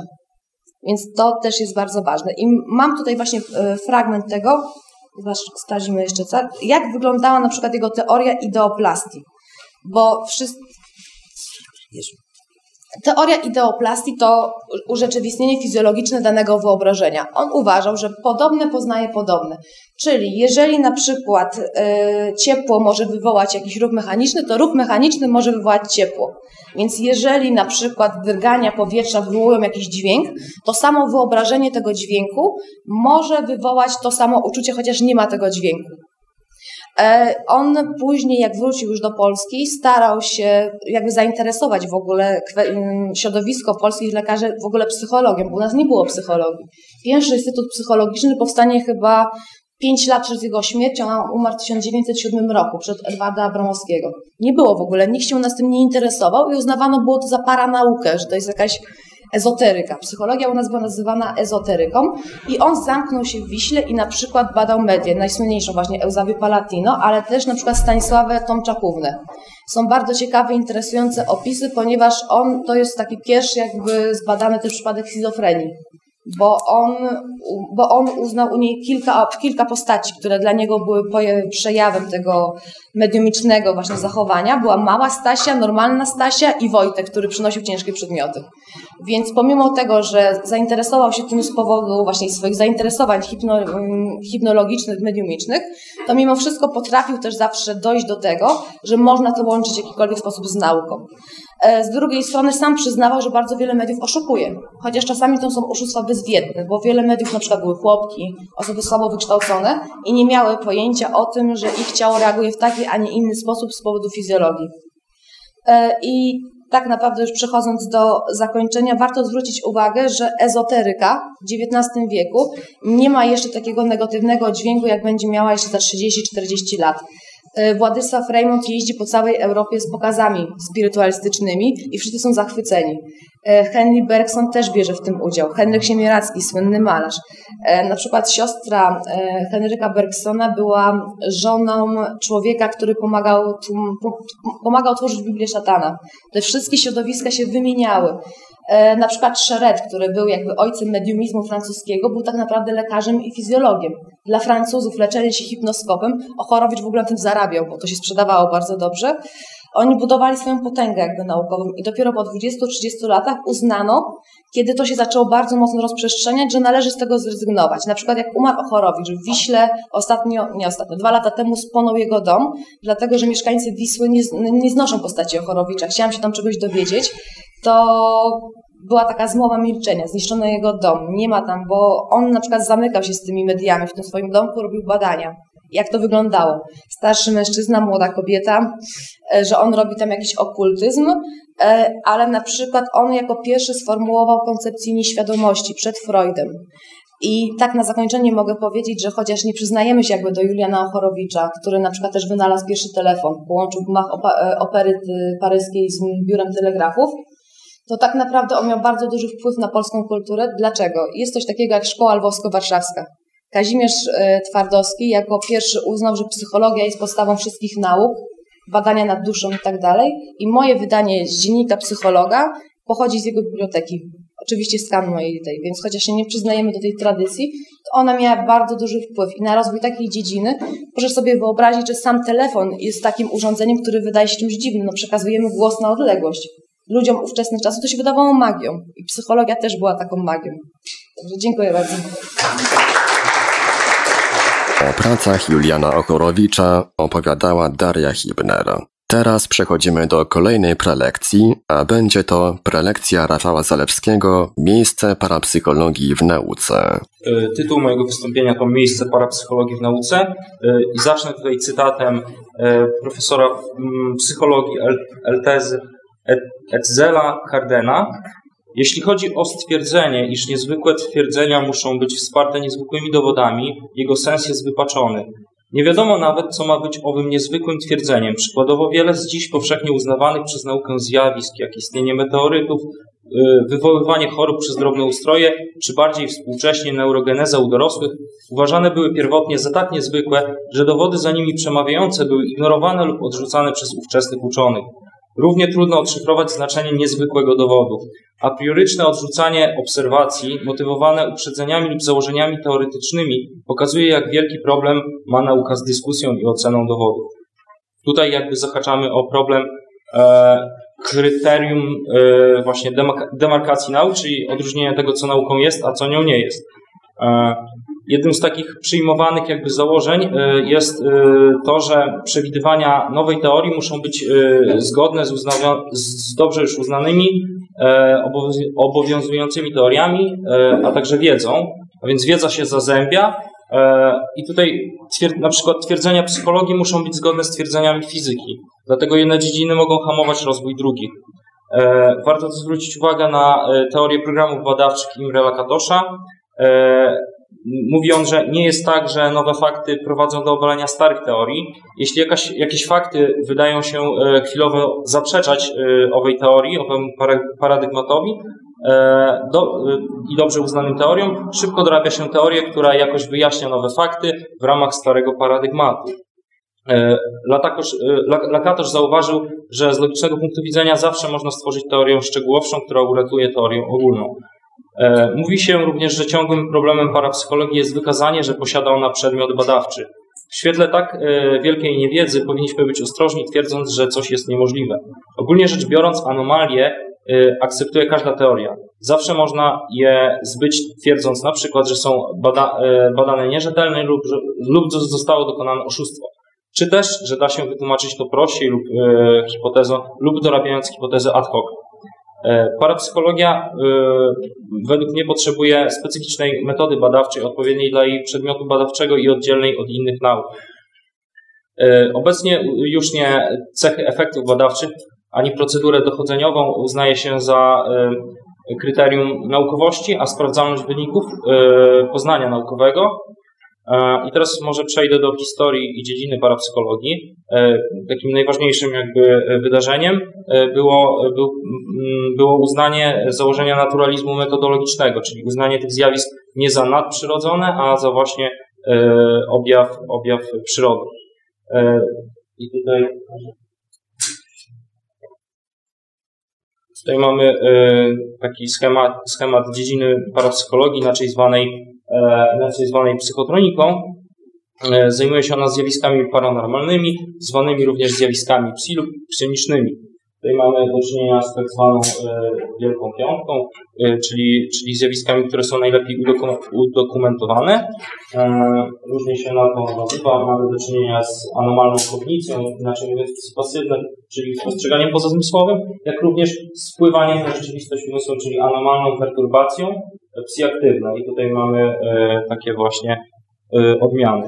E, jeszcze może wrócę do historii, więc w XIX wieku e, interesowało się nią wielu fizyków, w tym noblistów. Było to popularne z powodu zainteresowania spirytyzmem wśród elit. Zajmował się tym m.in. znany psycholog i filozof William James, a na polskim gruncie e, Julian Ochorowicz. Eksperymenty przed i po II wojnie światowej z kostkami do gry i kartami prowadził Joseph Ray.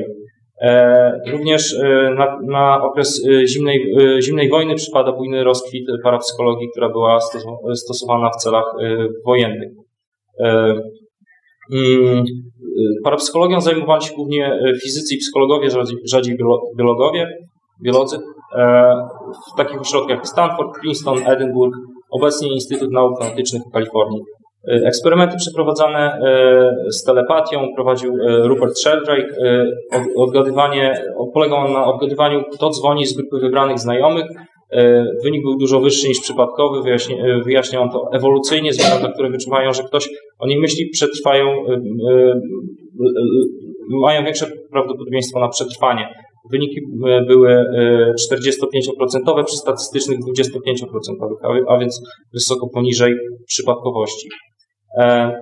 Również prowadził on e, badania z psami, które z pewnej odległości potrafią e, odczytać myśli właściciela, stojąc pod drzwiami mieszkania w momencie, w którym właściciel zdecyduje się wracać. E, prowadzono również badania czucia się obserwowanym w pomieszczeniu izolowanym elektromagnetycznie, gdzie osoba była wyświetlana na monitorze, druga osoba się na nią patrzyła i notowano mm, objawy fizjologiczne właśnie poczucie, obserwowane. E, właśnie oprócz tego prowadzono też badania jasnowidzenia i to właśnie e, są jeden z efektów tych, tych, tych badań, czyli właśnie e, jasnowidzenie, czyli odbieranie bodźców zmysłowych dotyczących odległych miejsc. I tu okazało się, że dystans nie miał znaczenia, tutaj właśnie prowadzony przez wywiad amerykański. Następnym takim e, rodzajem właśnie e, zjawisk e, takich psi jest prekognicja, inaczej mówiąc przeczucie. Prekognicja, eksperymenty z prekognicją polegały na pokazywaniu drastycznych lub erotycznych zdjęć i badaniu fizjologicznej reakcji organizmu wśród zdjęć neutralnych. Okazywało się, że organizm wykazywał fizjologiczną reakcję właśnie zanim jeszcze nastąpiło pokazanie tego zdjęcia. Był to eksperyment wielokrotnie powtarzany.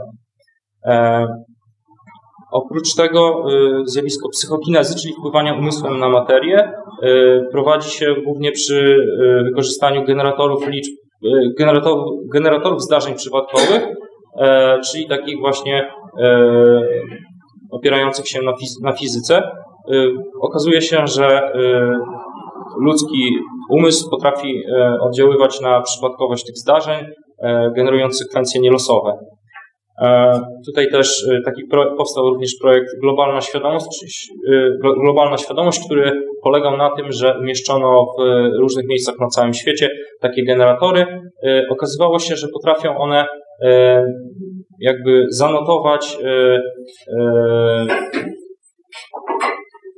Wpływają na nie wydarzenia masowe, zmieniają one trendy losowań w generatorach właśnie. E, I się również okazało, że e, zmiany, zmiany takie e, nieprzypadkowe w tych generatorach zachodzą jeszcze nawet przed, przed wystąpieniem tego zjawiska. To znaczy, że mamy tu do czynienia z prekognicją, czyli właśnie przeczuciem.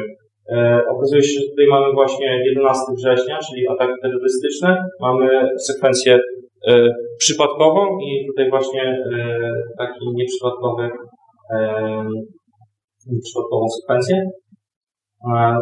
Zaobserwowano jeszcze zanim te ataki właśnie się pojawiły.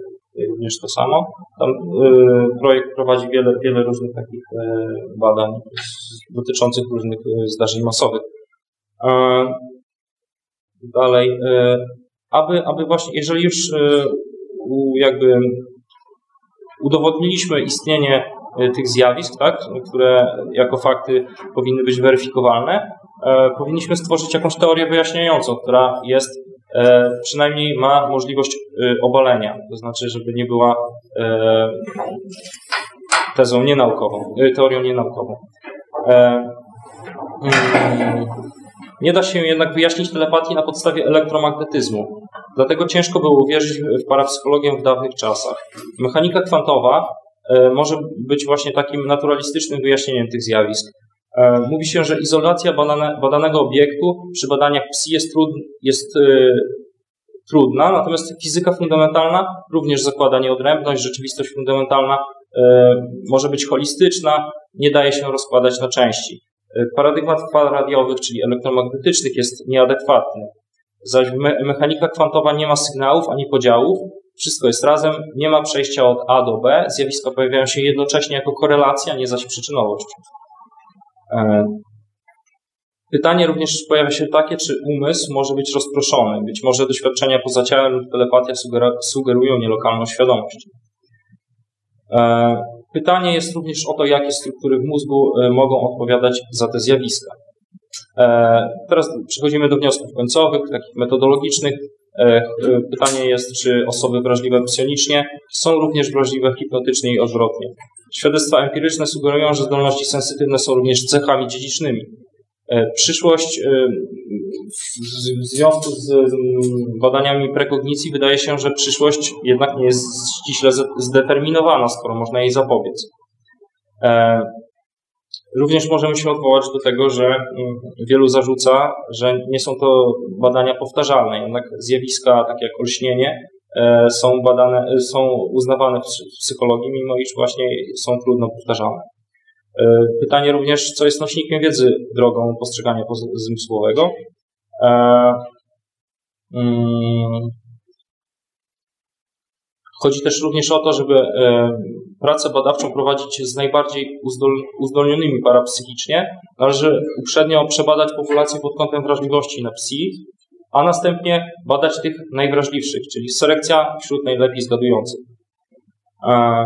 Być może parapsychologia wymaga odpowiednich metod badawczych, a więc krytyka jej metod przez ekspertów z innych dziedzin może być podyktowana nieodpowiedniością ich metod do problemów badań parapsychologii.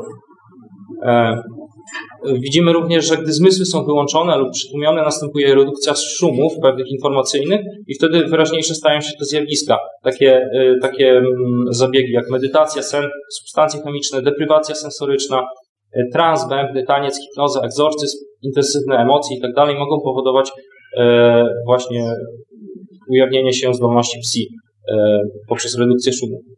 E, to właśnie nieświadoma część mózgu posiada pewną autonomię, działając w tle umysłu potrafi wykorzystać te zjawiska. Tutaj też warto stwierdzić, jakie, jakie ma powiązanie to z falami mózgowymi.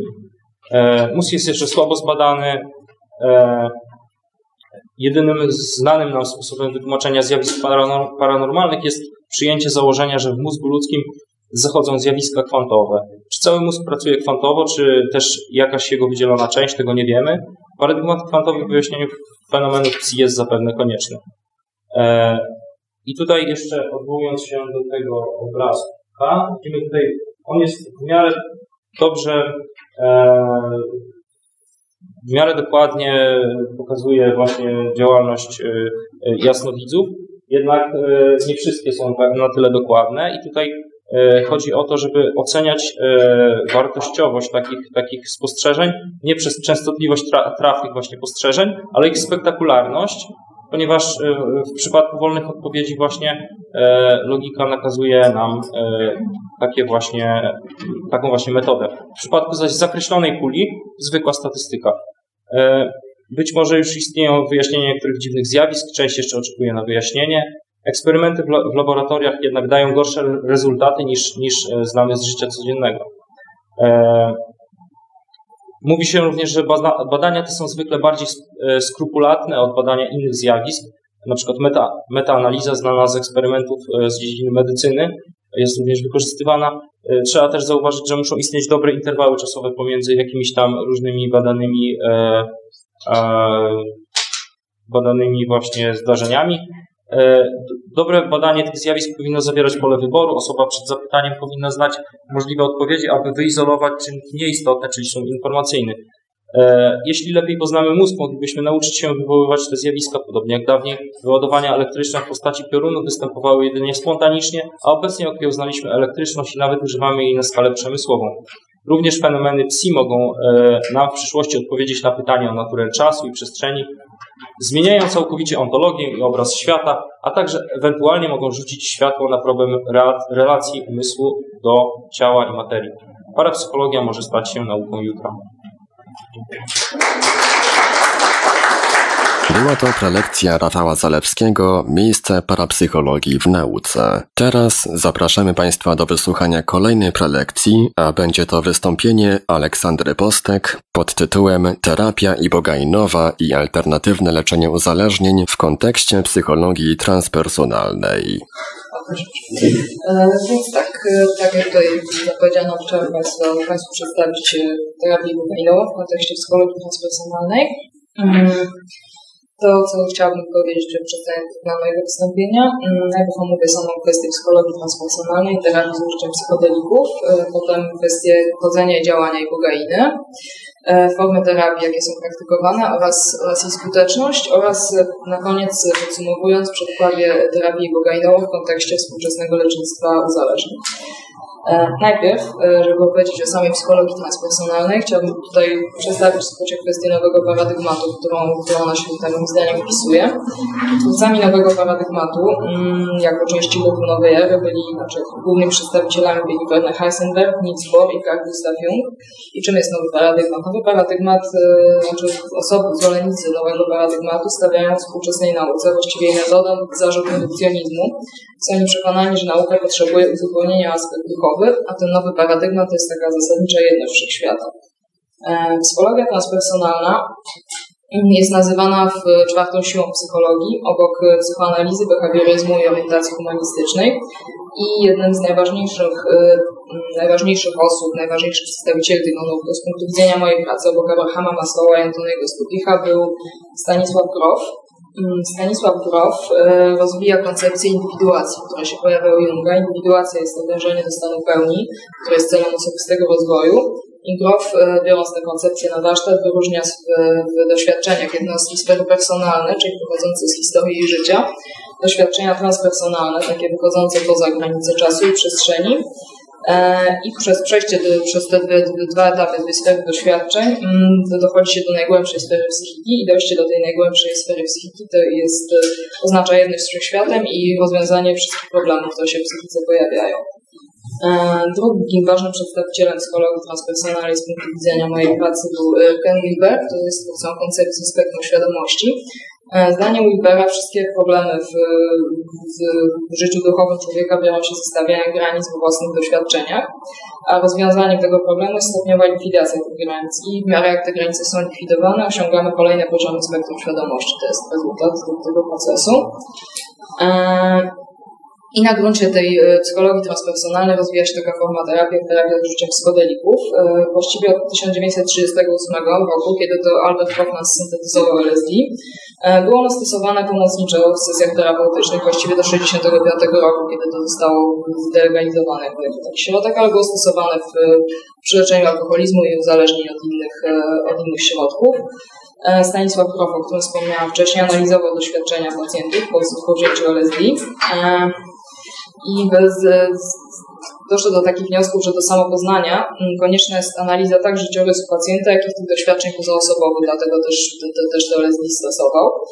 I jak e, podsumowywał te, te sesje, to po sesji z LSD pacjenci stwierdzali, że ten stan, którego pragną, to jest transcendencja, nie intoksykacja narkotykowa i yy, to zaczęli traktować po tych sesjach alkohol i narkotyki jako karykaturę stanu kosmicznej świadomości, jaki tak naprawdę chcą, chcą osiągnąć. Przechodząc do ibogainy, to jest właśnie krzew tabernata Boga, który występuje w Afryce Środkowej, na terenach Zairu, Kongo, ale przede wszystkim Gabonu. E, jest bardzo ważnym, e, bardzo, ibogaina jest bardzo ważną substancją w kulcie Gwiti. E, jest to taki synkretyczny kult, który łączy w sobie tradycyjny animizm i kult przodków z chrześcijaństwem. E, jest on używany, jest, znaczy jest e, ta substancja używana w celach rytualnych, takich inicjacyjnych, ale także w celach leczenia złego stanu psychicznego, a także dla osiągnięcia samych przeżyć, przeżyć mistycznych. E, skąd się wzięła, skąd się wzięła bogaina na, na zachodzie tak zwanym? Więc jako pierwszą, jako Pierwszą osobą, która opisała swoje doświadczenia był Howard Lotsow, który w wieku lat 19 zażył kokainę jako, e, jako jeden z wielu środków, z którym eksperymentował. Był, był wtedy uzależniony od heroiny i także prawdopodobnie od innych e, środków, ale głównie od heroiny i zażył zupełnie jakoś tam przez, przy, przypadkowo dał mu tę substancję, ktoś się znajoma i po mm, bardzo długim tripie, jak, jak to określił, stosunek jego do heroiny diametralnie się zmienił i nie miał potem w ogóle potrzeby za jej zażywania. E, to, to trwało półtora roku, kiedy to powrócił do swojego, półtora roku powrócił do uzależnienia, ale już ten etap był dużo krótszy i po terapii metadonem e, przeszedł już, już do takiego stanu, kiedy, kiedy już nie był uzależniony. 20 mm, lat później te doświadczenia postanowił jakoś odnowić i zaproponował rządowi amerykańskiemu przeprowadzenie badań nad tą substancją, natomiast no, nie spotkało się z zainteresowaniem. Poznał w tej agencji rządowej do spraw narkotyków osobę, która, która była tym zainteresowana. Wspólnie założyli firmę, ale no, nie osiągnęli dużego komercyjnego sukcesu. Próbowali zdobyć pieniądze na badania, ale im się jakoś no, mieli na, na, na małą skalę te, te fundusze i przeprowadził trochę badań, ale ale na niewielką skalę. Mm, równolegle prowadził e, takie badania nad ibogainą chilijski e, psychiatra Claudio Naranjo, który przeprowadził takie pierwsze dowolne badania nad działaniem, opisał sesje ibogainowe z udziałem 30 pacjentów. Był to bliski współpracownik Prince'a Persa, co warto podkreślić. E, jakie są zalety terapii ibogainowej? Według Howarda Lotsowa za główną zaletę należy uznać szybki proces, ponieważ sama sesja taka, taki tryb trwa około 3 dni. Potem e, potrzebne jest takiej osobie kilka miesięcy wsparcia, żeby utrwaliła swoje prawidłowe nawyki. E, no co można skonfrontować z przynajmniej roczną taką, takim optymalnym, że tak powiem, wydaniu, przynajmniej roczną terapią substytucyjną i mm, wspartą psychoterapią, czy to też ta psychoterapia się ciągnie po, po, po samej substytucji, także, także ten okres wychodzenia z uzależnienia jest dużo dłuższy. No i kładzie też nacisk indywidualny charakter tej terapii, bo każdy wydobywa ze swojej podświadomości najważniejsze kwestie i reinterpretuje swoje świadome doświadczenia. E, badaniami nad ibugainą zajmowano się także w Polsce. To robił taki polski e, mm, farmakolog Piotr Popik, który przeprowadzał badania głównie na, no, badania wyłącznie na szczurach. E, ale też interesował się tymi, tymi badaniami, badaniami zagranicznymi prowadzonymi na ludziach. Mm. Tutaj pozwolę sobie go zacytować, ponieważ on zauważył moim zdaniem ważną rzecz, że lecznictwo uzależnień opiera się na pradawnej przesłance medycznej, jak to, to określa, żeby podobne leczyć podobnym albo przeciwnym, a pomija się przy tym wspólną cechę wszystkich uzależnień, czyli fakt, że osoba uzależniona doznaje nieprzezwyciężonego pragnienia, potrzeby lub wewnętrznego przymusu zażywania tej, tej, danej substancji. Stąd też przy, przy uzależnieniach stosuje się albo agonistów, albo antagonistów receptorów NDMA, czyli kwasu N-metylodestroglinowego. E, Bogajna właśnie należy do grupu tych antagonistów e, tego receptora i e, hamuje objawy i przyczyny zespołu abstynencyjnego oraz postawienie tolerancji na, na opioidy.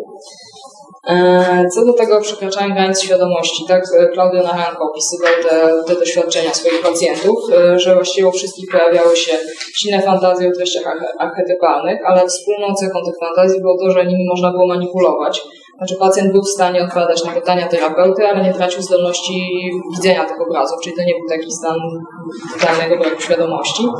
E, I jego zdaniem ten środek może służyć jako katalizator psychoterapii, ułatwia przypominanie faktów życia pacjenta. Polski psychiatra Maciej Kozłowski, autor takiej głośnej książki Moja heroina, to jest psychiatra, który swego czasu uzależnił się od heroiny i Moja heroina jest taką historią uwolnienia się od, od tego. E, natomiast no, z punktu widzenia osoby, która dobrze powinna znać się na uzależnieniach właśnie, czyli, czyli z punktu widzenia psychiatry, on też swego czasu próbował terapii bogainowej i też zauważał, zauważył siebie takie odblokowanie podświadomych treści, które mogą w pewien sposób zostać zainterpretowane i zauważa, że taką korzyścią jest stan zwiększonej podatności na działania drugiej osoby, czyli, czyli terapeuty. E, Peter Frank, amerykański wykładowca, producent radiowy i autor książki, która niedawno ukazała się na, na polskim rynku, właśnie poświęconej ibogainie, ibogaina uzdrawiająca moc wizji. Wyróżnia takie cztery fazy doświadczenia ibogainowego. Pierwsza faza to jest taka faza silnej wizji, której właśnie tutaj, właśnie tutaj opisywałam przed chwilą. Druga, drugą fazę nazywa szarym dniem. Jest to taki mm, okres, kiedy człowiek ma wyszedł z tej, z, tej, z, tej, fazy wizyjnej, ma taką kontrolę nad myślami, swoimi zmysłami, ale jest wyczerpany, brakuje mu stabilności emocjonalnej i przepracowuje problemy z fazy pierwszej. Potem następuje trzecia faza, tymczasowa wolność, która trwa około 3 miesięcy. Mm, nie ma głodu narkotykowego, mm, wydaje się, że problem jest rozwiązany i to jest właśnie moment, kiedy ma, człowiek ma tyle energii, że powinien się skontaktować z terapeutą, żeby ten stan utrzymać. Czwartą fazą jest faza powrotu na ziemię. Wracają problemy emocjonalne i niekiedy wraca chęć powrotu narkotyków, ale jeżeli zdaniem, zdaniem Franka, jeżeli człowiek dobrze wykorzysta te tę, tę fazę trzecią, kiedy to ma dużo siły na pracę nad sobą, to, ten problem może zostać zażegnany. Tutaj Frank jest zdania, że ibogaina może też inne uzależnienia w, te, w ten sposób leczyć, będąc katalizatorem doświadczeń, ale to już temat jest. E, jakie są formy terapii ibogainowej? Więc stosuje się autoterapię na własną rękę. Tutaj mm, dość często po prostu można w internecie sobie ten środek sprowadzić za, za różne kwoty. E, Czasem przy udziale drugiej osoby ludzie, ludzie biorą ten, ten, ten środek, czasem sami, bo w internaucie chętnie się dzielą doświadczeniami z, z, z, z tych, tych przeżyć i opisują je, albo można też podjąć terapię w ośrodkach, które są mm, głównie na terenie Ameryki Łacińskiej umieszczone ze względu na status prawnej bogainy w innych krajach, w Stanach, gdzie ona jest na przykład zabroniona i w, w części krajów europejskich też. Te, te ośrodki są właśnie ulokowane w Panamie, Gwatemali, Brazylii, Meksyku, kilka jest w Azji i Afryce, pojedyncze są w Europie. Większość osób, które tam są, prowadzić zajęcia, bo są e, metodą doktora Erika Dauba prowadzone. Mm, tak, jakie są, jakie jest e, ryzyko terapii kogainowej? Można tej kogainy przedawkować, aczkolwiek znana jest, dawka bezpieczna jest dość jasno określona, więc właściwie tutaj trzeba niekontrolowanie zażyć, żeby, żeby coś sobie zrobić. E, halucynacje mogą wpływać lęki, zaburzenia rytmu serca, to też większość tych środków wymaga, żeby, żeby zrobić przedtem EKG głowę i konieczne jest też, jak podkreślają dawcy tematyki, po prostu wsparcie drugiej osoby, czyli terapeuta, bo jak sesje na własną rękę mogą się okazać zupełnie nieskuteczne. E, I tak, jaka jest jej realna skuteczność?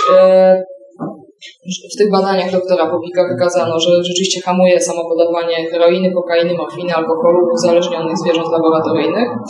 E, z tych badań Howarda Lassowa i y, badań Claudia Naranko, to nie będę tutaj strasznie już tam mało czasu, ale rzeczywiście e, wynika to, że mm, publikowanych takich artykułów naukowych jest dużo na ten temat i widać pozytywną zależność, natomiast te próby są nieduże.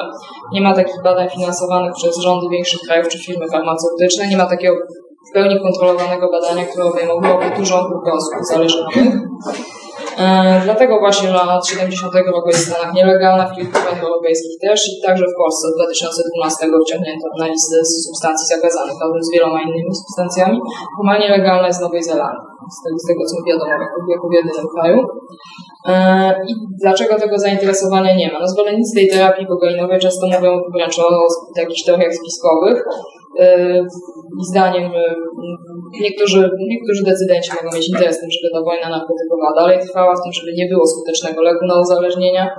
E, ważne jest też to, że opatentowane może być samo stosowanie ibogainy, a nie związek sam w sobie, bo to jest naturalny alkaloid, alkaloid a to stosowanie zostało przez, przez Lotsofa opatentowane. Moim zdaniem tutaj warto też zwrócić uwagę, że terapeuci uzależnień często podchodzą niechętnie nawet do takich już by się wydawało standardowych terapii substytucyjnych, jak terapia metadonem czy buprenorfiną, co dopiero jakąś tajemniczą rośliną z Ameryki Środkowej.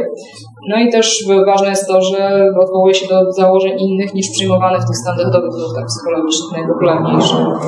I chciałabym zakończyć takim cytatem z Bartłomieja Dobroczyńskiego, jego mm, książki o New Age'u. Często pewne zjawisko określa się właśnie jako New Age po to, żeby je zdyskredytować, odrzuca się jakikolwiek dialog z osobami tego nurtu, nawet jeżeli chodzi o sprawy z racjonalnego punktu widzenia ważne i słuszne, lub przynajmniej nieszkodliwe, jak to określa. Wydaje mi się, że to jest właśnie główny problem, który spotyka rzeczników badań na Bigogainie. To tyle. Przed chwilą wysłuchaliśmy prelekcji Aleksandry Postek pod tytułem Terapia ibogainowa i alternatywne leczenie uzależnień w kontekście psychologii transpersonalnej. A teraz przechodzimy do ostatniej prelekcji w tym bloku tematycznym Fenomen szeptów podlaskich, którą wygłosiła Kamila Pankowska-Wrubel. Dzień dobry. Chciałabym nawiązać dzisiaj do zjawiska e, bardzo nam bliskiego, ponieważ e, fenomenu szeptów podlaskich szeptucha e, e, szeptucha szeptun są to uzdrowiciele obojga płci najczęściej, oferujące swoje usługi osobom wierzącym w moc leczenia. E, w gwarach najczęściej używa się liczby mnogiej, szeptuchy i wtedy ma się e, na myśli przedstawicieli obu płci, e, ponieważ bardziej charakterystyczne w tej roli są jednak kobiety. Sami uzdrowiciele najczęściej określają się mianem babki lub majściera, zazwyczaj używają swojego imienia bądź też pseudonimu. W Polsce zjawisko szeptuch jest charakterystyczne wyłącznie dla rejonu Podlasia, E, szeptuchy zamieszkują głównie wsie i niewielkie miasta, zazwyczaj na wschód od Białegostoku. E, najpopularniejszymi są szeptuchy z Orli, Rudki, Czeremchy oraz Parcewa. E, lokalna społeczność często uważała szeptuchy za osoby obce, przez to często oddzielane były one terytorialnie od wioski. Najczęściej znachorki zamieszkiwały miejsca pomiędzy wsiami, bądź były przez ludność wyrzucane na skraj wsi. Współcześnie jednak zwyczaj ten uległ zatarciu. E, działalność szeptuch jest zdeterminowana e, przez miejsce, w którym praktykują. E, żyją one na styku trzech kultur: białoruskiej, polskiej i rosyjskiej, w symbiozie z kościołem i cerkwią. Są to przeważnie Białorusinki wyznania prawosławnego. Ważne jest jednak, że przynależność do białoruskiej grupy etnicznej oraz prawosławnej społeczności religijnej nie jest warunkiem koniecznym. Duże znaczenie ma również wiek osoby uzdrawiającej. E, szeptuchą może być kobieta po 50 roku życia. E, najlepiej by była już po menopauzie, e, ponieważ kobiety po klimakterium uważane są za osoby spokojniejsze oraz mądrzejsze. Zdecydowaną większość stanowiły jednak 80-90-letnie staruszki. W wioskach i miasteczkach Białostoczyzny żyje obecnie około 30 kobiet, które uzdrawiają za pomocą modlitwy. Tajemną umiejętność leczenia e, można interpretować jako zdolność dawaną ludziom przez Boga w celu szerzenia pomocy potrzebującym. E, same szeptuchy są przekonane, że ich zdolności są darem Bożym e, i przyjmując go okazują szczerą chęć pomocy innym. Często podkreślają również, że bez pomocy Boga i aniołów nie byłyby zdolne do jakiejkolwiek działalności, do działalności leczenia. Szeptuchy są zobligowane do udzielania pomocy zawsze, gdy są o nią proszone. Muszą one uwolnić się od złości, żalu oraz pozostałych negatywnych emocji w stosunku do innych ludzi, aby móc udzielić pomocy nawet osobom, które uważają za swoich wrogów. Szeptuchy to osoby zazwyczaj spokojne, cierpliwe, empatyczne, łatwo przybaczające, a przede wszystkim pobożne. Wierzą, że dar, który jest im uważają, że dar, który jest nieodpowiednio wykorzystywany, może w każdej chwili zostać odebrany przez Boga. Jednak szeptuchy często przy pierwszym kontakcie e, zniechęcają do siebie. Najczęściej wychodzą na podwórko i przeganiają osoby, które przechodzą e, do nich, e, by poprosić o pomoc. Robią to specjalnie, ażeby pozostawić jedynie osoby najbardziej zdeterminowane, osoby, które potrzebują, najbardziej potrzebują pomocy. Szeptuchy zazwyczaj e, nie żądają e, żadnej zapłaty za swoje usługi. E, za niemoralne uważają bogacenie się na Słowie Bożym, gdyż posługa powinna być według nich bezpłatna. Niektóre babki wręcz obrażają się, kiedy proponowana jest im zapłata. Odmawiają również przyjmowania czegokolwiek od osób ubogich. E, od innych przyjmują czasami symboliczną zapłatę w postaci jedzenia bądź pieniędzy. Są to najczęściej drobne monety. Monety te e, przekazują na pobliską cerkiew. E, najczęściej kupują świeczki, które następnie palą przy ołtarzu w intencji osób, które do nich przychodzą. Szybtucha jest osobą bardzo religijną. Modli się w cerkwi w intencjach osób składanych e, przez osoby, które je odwiedzają. E, pomimo, że Kościół prawosławny odżegnuje się od ich leczniczych praktyk, kobiety te często mają bliski kontakt z miejscowym kapłanem. Zdarza się nawet, że pełnią posługę w kaplicy. Jest jedna szeptucha, która nawet śpiewa w chórze cerkiewnym. E, niektóre jednak są przeganiane ze świątyni. Warunkiem otrzymania domu leczenia przez przyszłą szeptuchę jest chęć jego e, przyjęcia. E, przekazywane są jej teksty modlitw oraz informacje o sposobie ich użycia. E, sama inicjacja szeptuchy nie jest naznaczona rytuałami, najczęściej sprowadza się do prostej rozmowy i przekaz ustny ma tutaj diametralne znaczenie.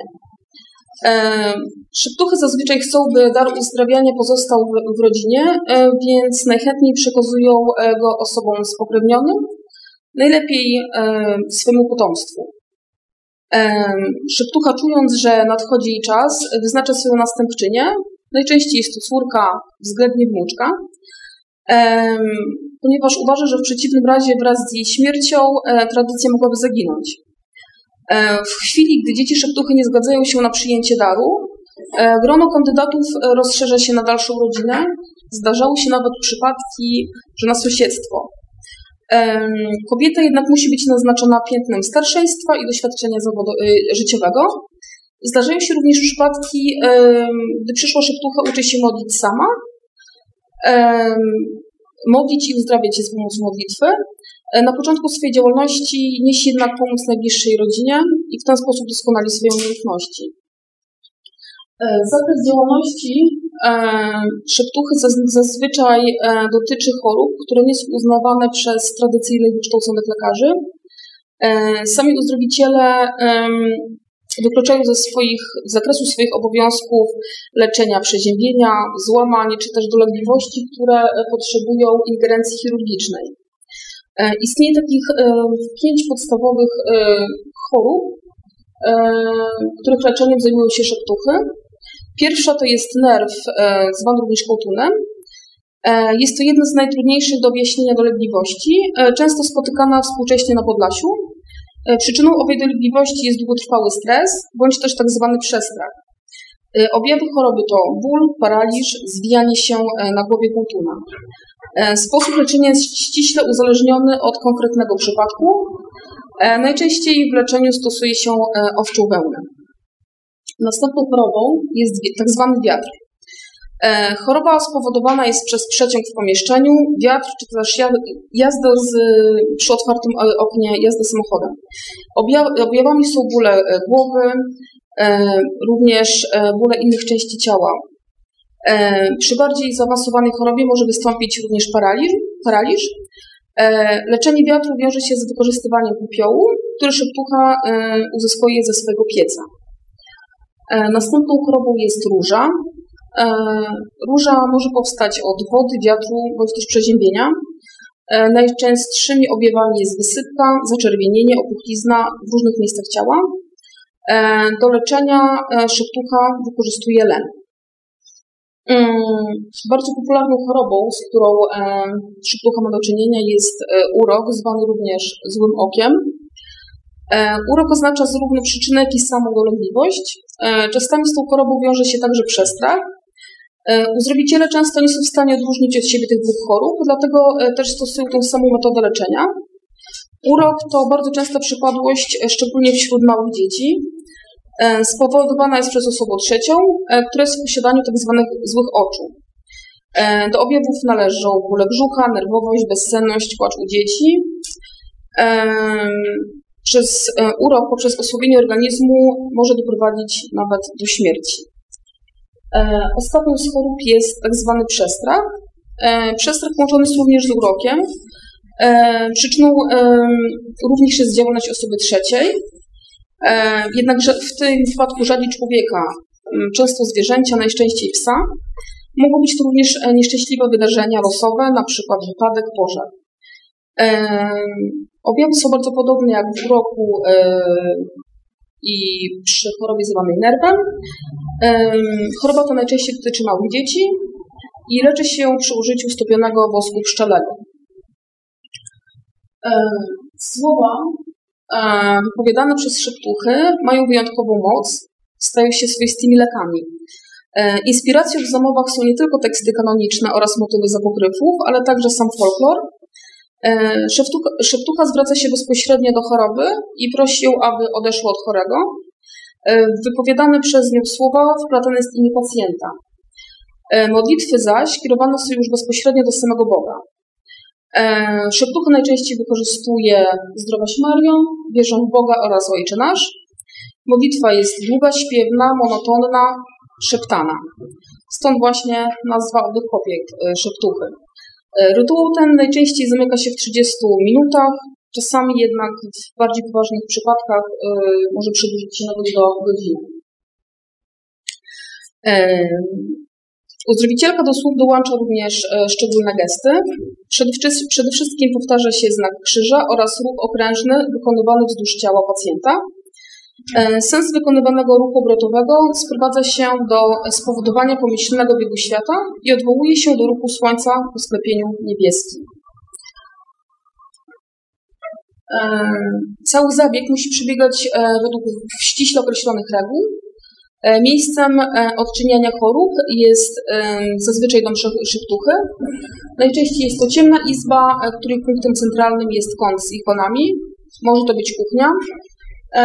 Szeptucha, szeptucha nigdy nie chce udać się do domu chorego. Chce cały rytuał przeprowadzić u siebie. Na koniec pragnę jeszcze dodać, że Szeptucha e, używa również często przedmiotów, które wcześniej zostały poświęcone w cerkwi.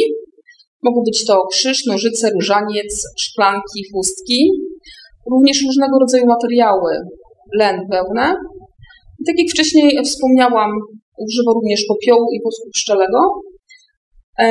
Dotyka również ciała pacjenta, zwłaszcza e, głowy, chcąc przenieść na niego moc wypowiadanych przez siebie słów. O podlaskich szeptuchach opowiadała Kamila Pankowska-Wróbel. Po przerowniku muzycznym przejdziemy do ostatniego bloku tematycznego, czyli antropologiczno-kulturowego. Radio Paranormalium, paranormalny głos w Twoim domu. Zostańcie Państwo z nami.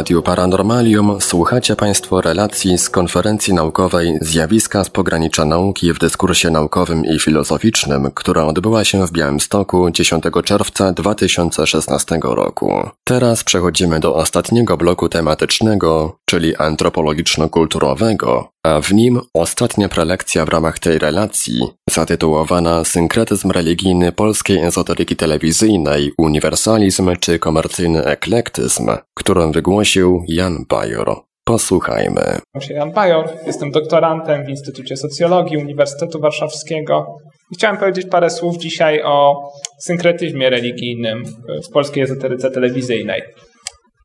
Aby jakoś tak w miarę precyzyjnie pokazać, co rozumiem pod tym hasłem, dlaczego uważam, że to jest temat warty zainteresowania. E, posłużę się pewnym e, przykładem. Jest to taka anegdota, z której w sumie zaczęło się moje zainteresowanie całym tym problemem. Więc jakieś trzy lata temu trafiłem cał całkowicie przypadkiem na audycję w telewizji ezoterycznej Kosmika TV, e, prowadzoną przez tego pana e, Piotra Natoniewskiego, szerzej znanego jako wróżbita Dawid. E, I odprawiał on dość dziwaczny, z mojego punktu widzenia wtedy trochę nawet szokujący rytuał. E, jak sam twierdził, przyzywał błogosławieństwa anielskie e, do dzwoniących telewidzów. Robił to za pomocą wahadełka, którym kręcił, jednocześnie odmawiając jakieś magiczne formuły. Ponadto jeszcze na stole miał tarot, jakieś inne magiczne E, rekwizyty. Bardzo zaintrygowało mnie to, w jaki sposób można łączyć tak e, różne motywy religijne. Jak to jest, że w momencie, gdy ewidentnie Kościół katolicki jest e, jawnie przeciwny tego typu praktykom, ktoś twierdzi, pokazuje w telewizji, ludzie z tego korzystają, że przyzywa anioły. W tym celu postanowiłem przyjrzeć się większej ilości tego typu audycji E, na przykładzie telewizji EZO TV, która jest taką chyba największą, odnoszącą największe sukcesy instytucją produkującą to wróżbiarskie audiotele. E, oczywiście ezoteryka w polskiej telewizji w różnych dość formach jest od dawna widoczna. Jako, że mam mało czasu, nie będę tutaj bardzo się wdawać w historię. E, jakkolwiek nie umknęła ona też całkiem uwadze środowiska naukowego, czy jakiejś takiej refleksji filozoficznej bardziej. E, Dorota Hall, autorka chyba najważniejszej e, w ostatnich latach książki o, o nowych formach duchowości w Polsce, zatytułowanej po prostu New Age w Polsce. Tego typu praktyki wróżbiarskie, taką popezoterykę bardzo silnie wiązała z ruchem nowej ery. Interpretowała ona to zjawisko przede wszystkim jako właśnie taką najbardziej uproszczoną, komercyjną emanację tych tego szerokiego spektrum zjawisk, które określa się jako New Age. E, zwracała też uwagę na pewne takie, pewną polską specyfikę problemu, że ten New Age, nawet w tej bardzo trywialnej formie, w Polsce jest troszeczkę inny e, niż e, powiedzmy na Zachodzie. O tym jeszcze będę trochę mówił. Tą samą jakby linią myśli szła Agnieszka Kowalczewska, autorka takiego eseju naukowego Ezoteryka na sprzedaż, i te, choć też ona wiązała bardzo silnie e, telewizję wróżbiarską, tego typu zjawiska z ruchem New Age, ale jeszcze do tego e, bardzo ostro oceniała tego, tego typu zjawiska. Nazywała je pewną komercją żerującą na autentycznej ezoteryce. Na tak, tych takich głęboko zakorzenionych w kulturze systemach wiedzy tajemnej, jaką byłaby na przykład antropozofia. E, czy różne jeszcze istniejące do dzisiaj inne systemy gnostyckie. Ale jak dokładnie to wygląda na przykładzie EZO TV? E, sam kanał istnieje od kilkunastu lat. E, jest to właśnie taka telewizja audiotele, gdzie ludzie mogą dzwonić, uzyskiwać od ezoteryków różnorakie wróżby lub inne, można powiedzieć, usługi duchowe. E, krótko funkcjonowała ona jako samodzielny kanał nadawany w telewizji kablowej, ale przede wszystkim od zawsze zajmowała się sprzedawaniem pasm ezoterycznych dla innych kanałów telewizyjnych.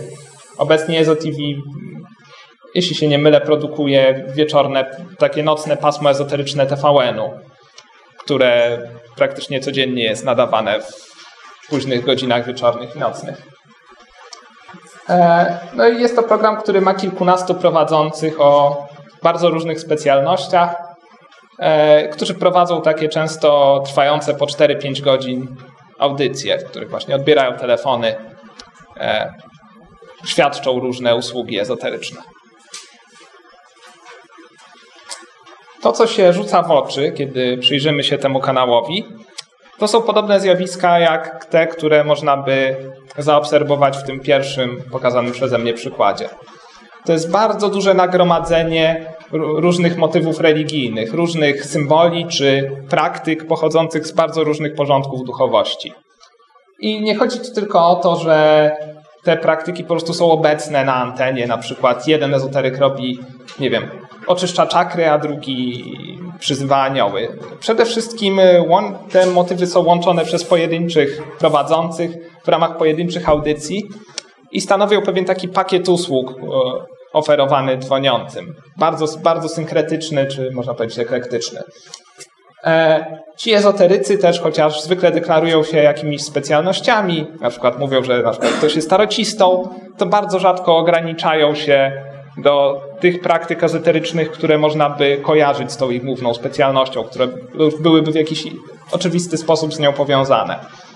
E, wiąże się z tym właśnie też, też z tym, że e, mniej więcej każdy z tych prowadzących chce oferować jak największą gamę usług, jak, najba, jak najwięcej różnych, e, powiedziałbym, przysług duchowych tym swoim telewidzom udostępnić, tak żeby no, być atrakcyjnym produktem. Aby to nie było tak całkiem abstrakcyjne, też ponownie posłużę się przykładem.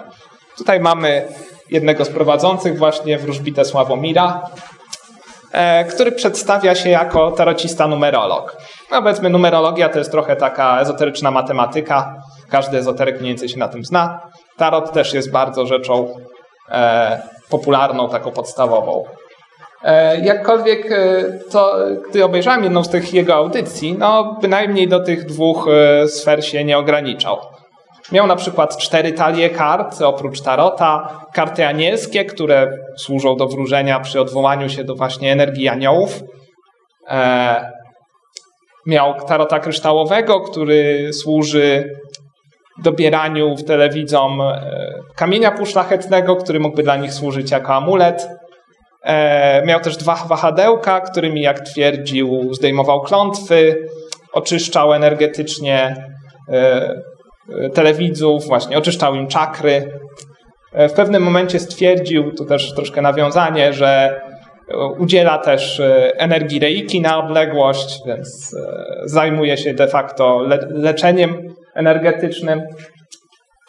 No i jaka może być zasada, która połączyłaby tak różne praktyki, tak też różne tradycje? No bo tu mamy, nie wiem, chrześcijańskie anioły, mamy zaczerpnięte ze wschodu czakry, mamy tarot, który jest y, jakby europejską tradycją ezoteryczną.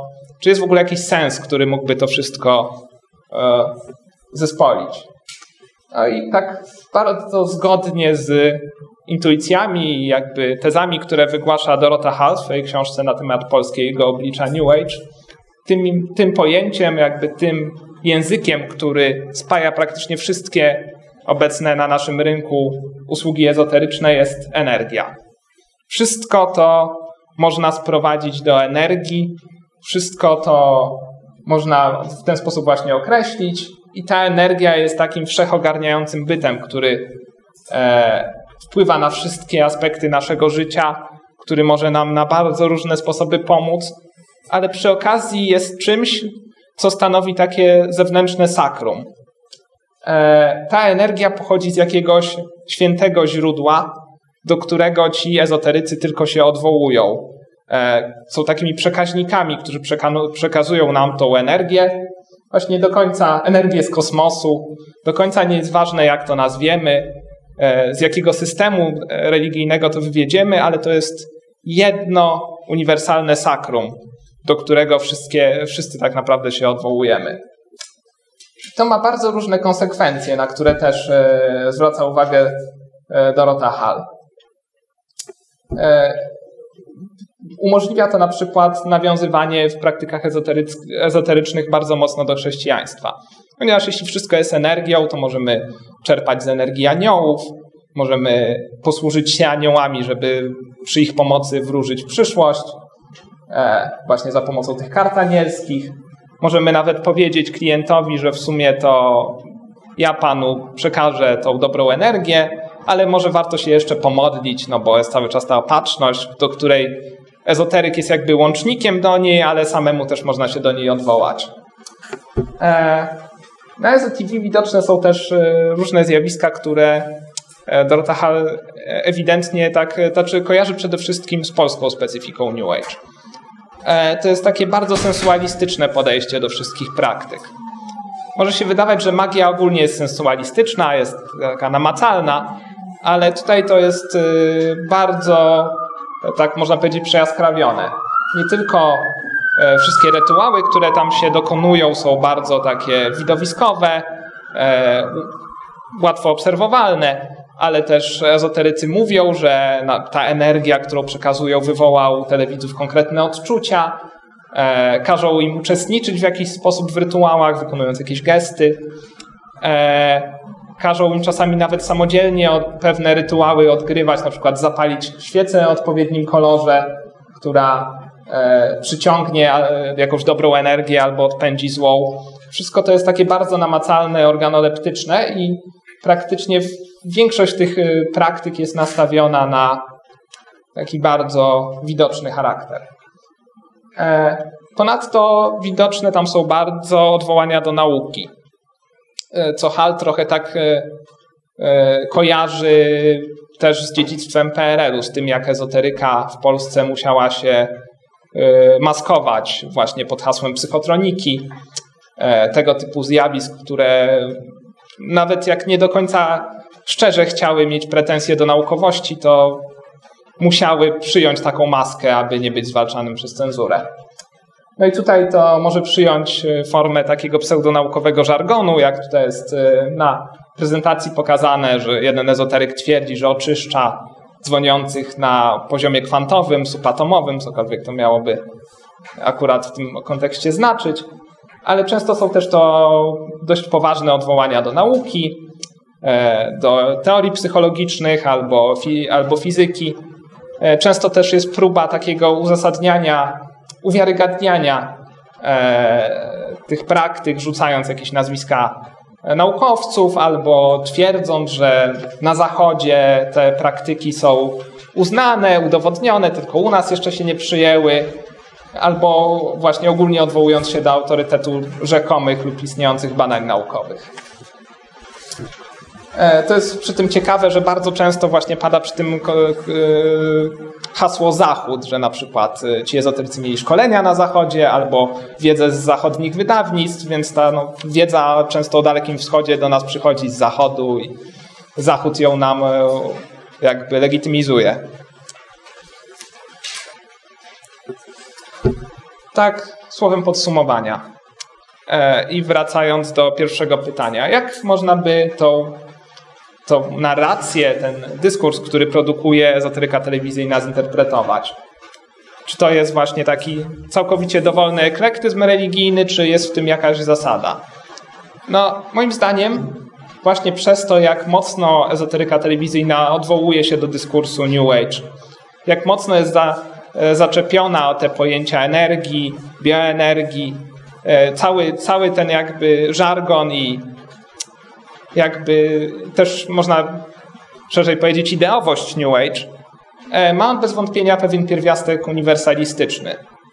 Jest w nim e, właśnie to przekonanie, które do, widoczne to przekonanie, które Dorota Hall e, określa mianem perennializmu, czyli takie wiara w to, że wszystkie religie, wszystkie praktyki odwołują się do uniwersalnej sfery sakrum.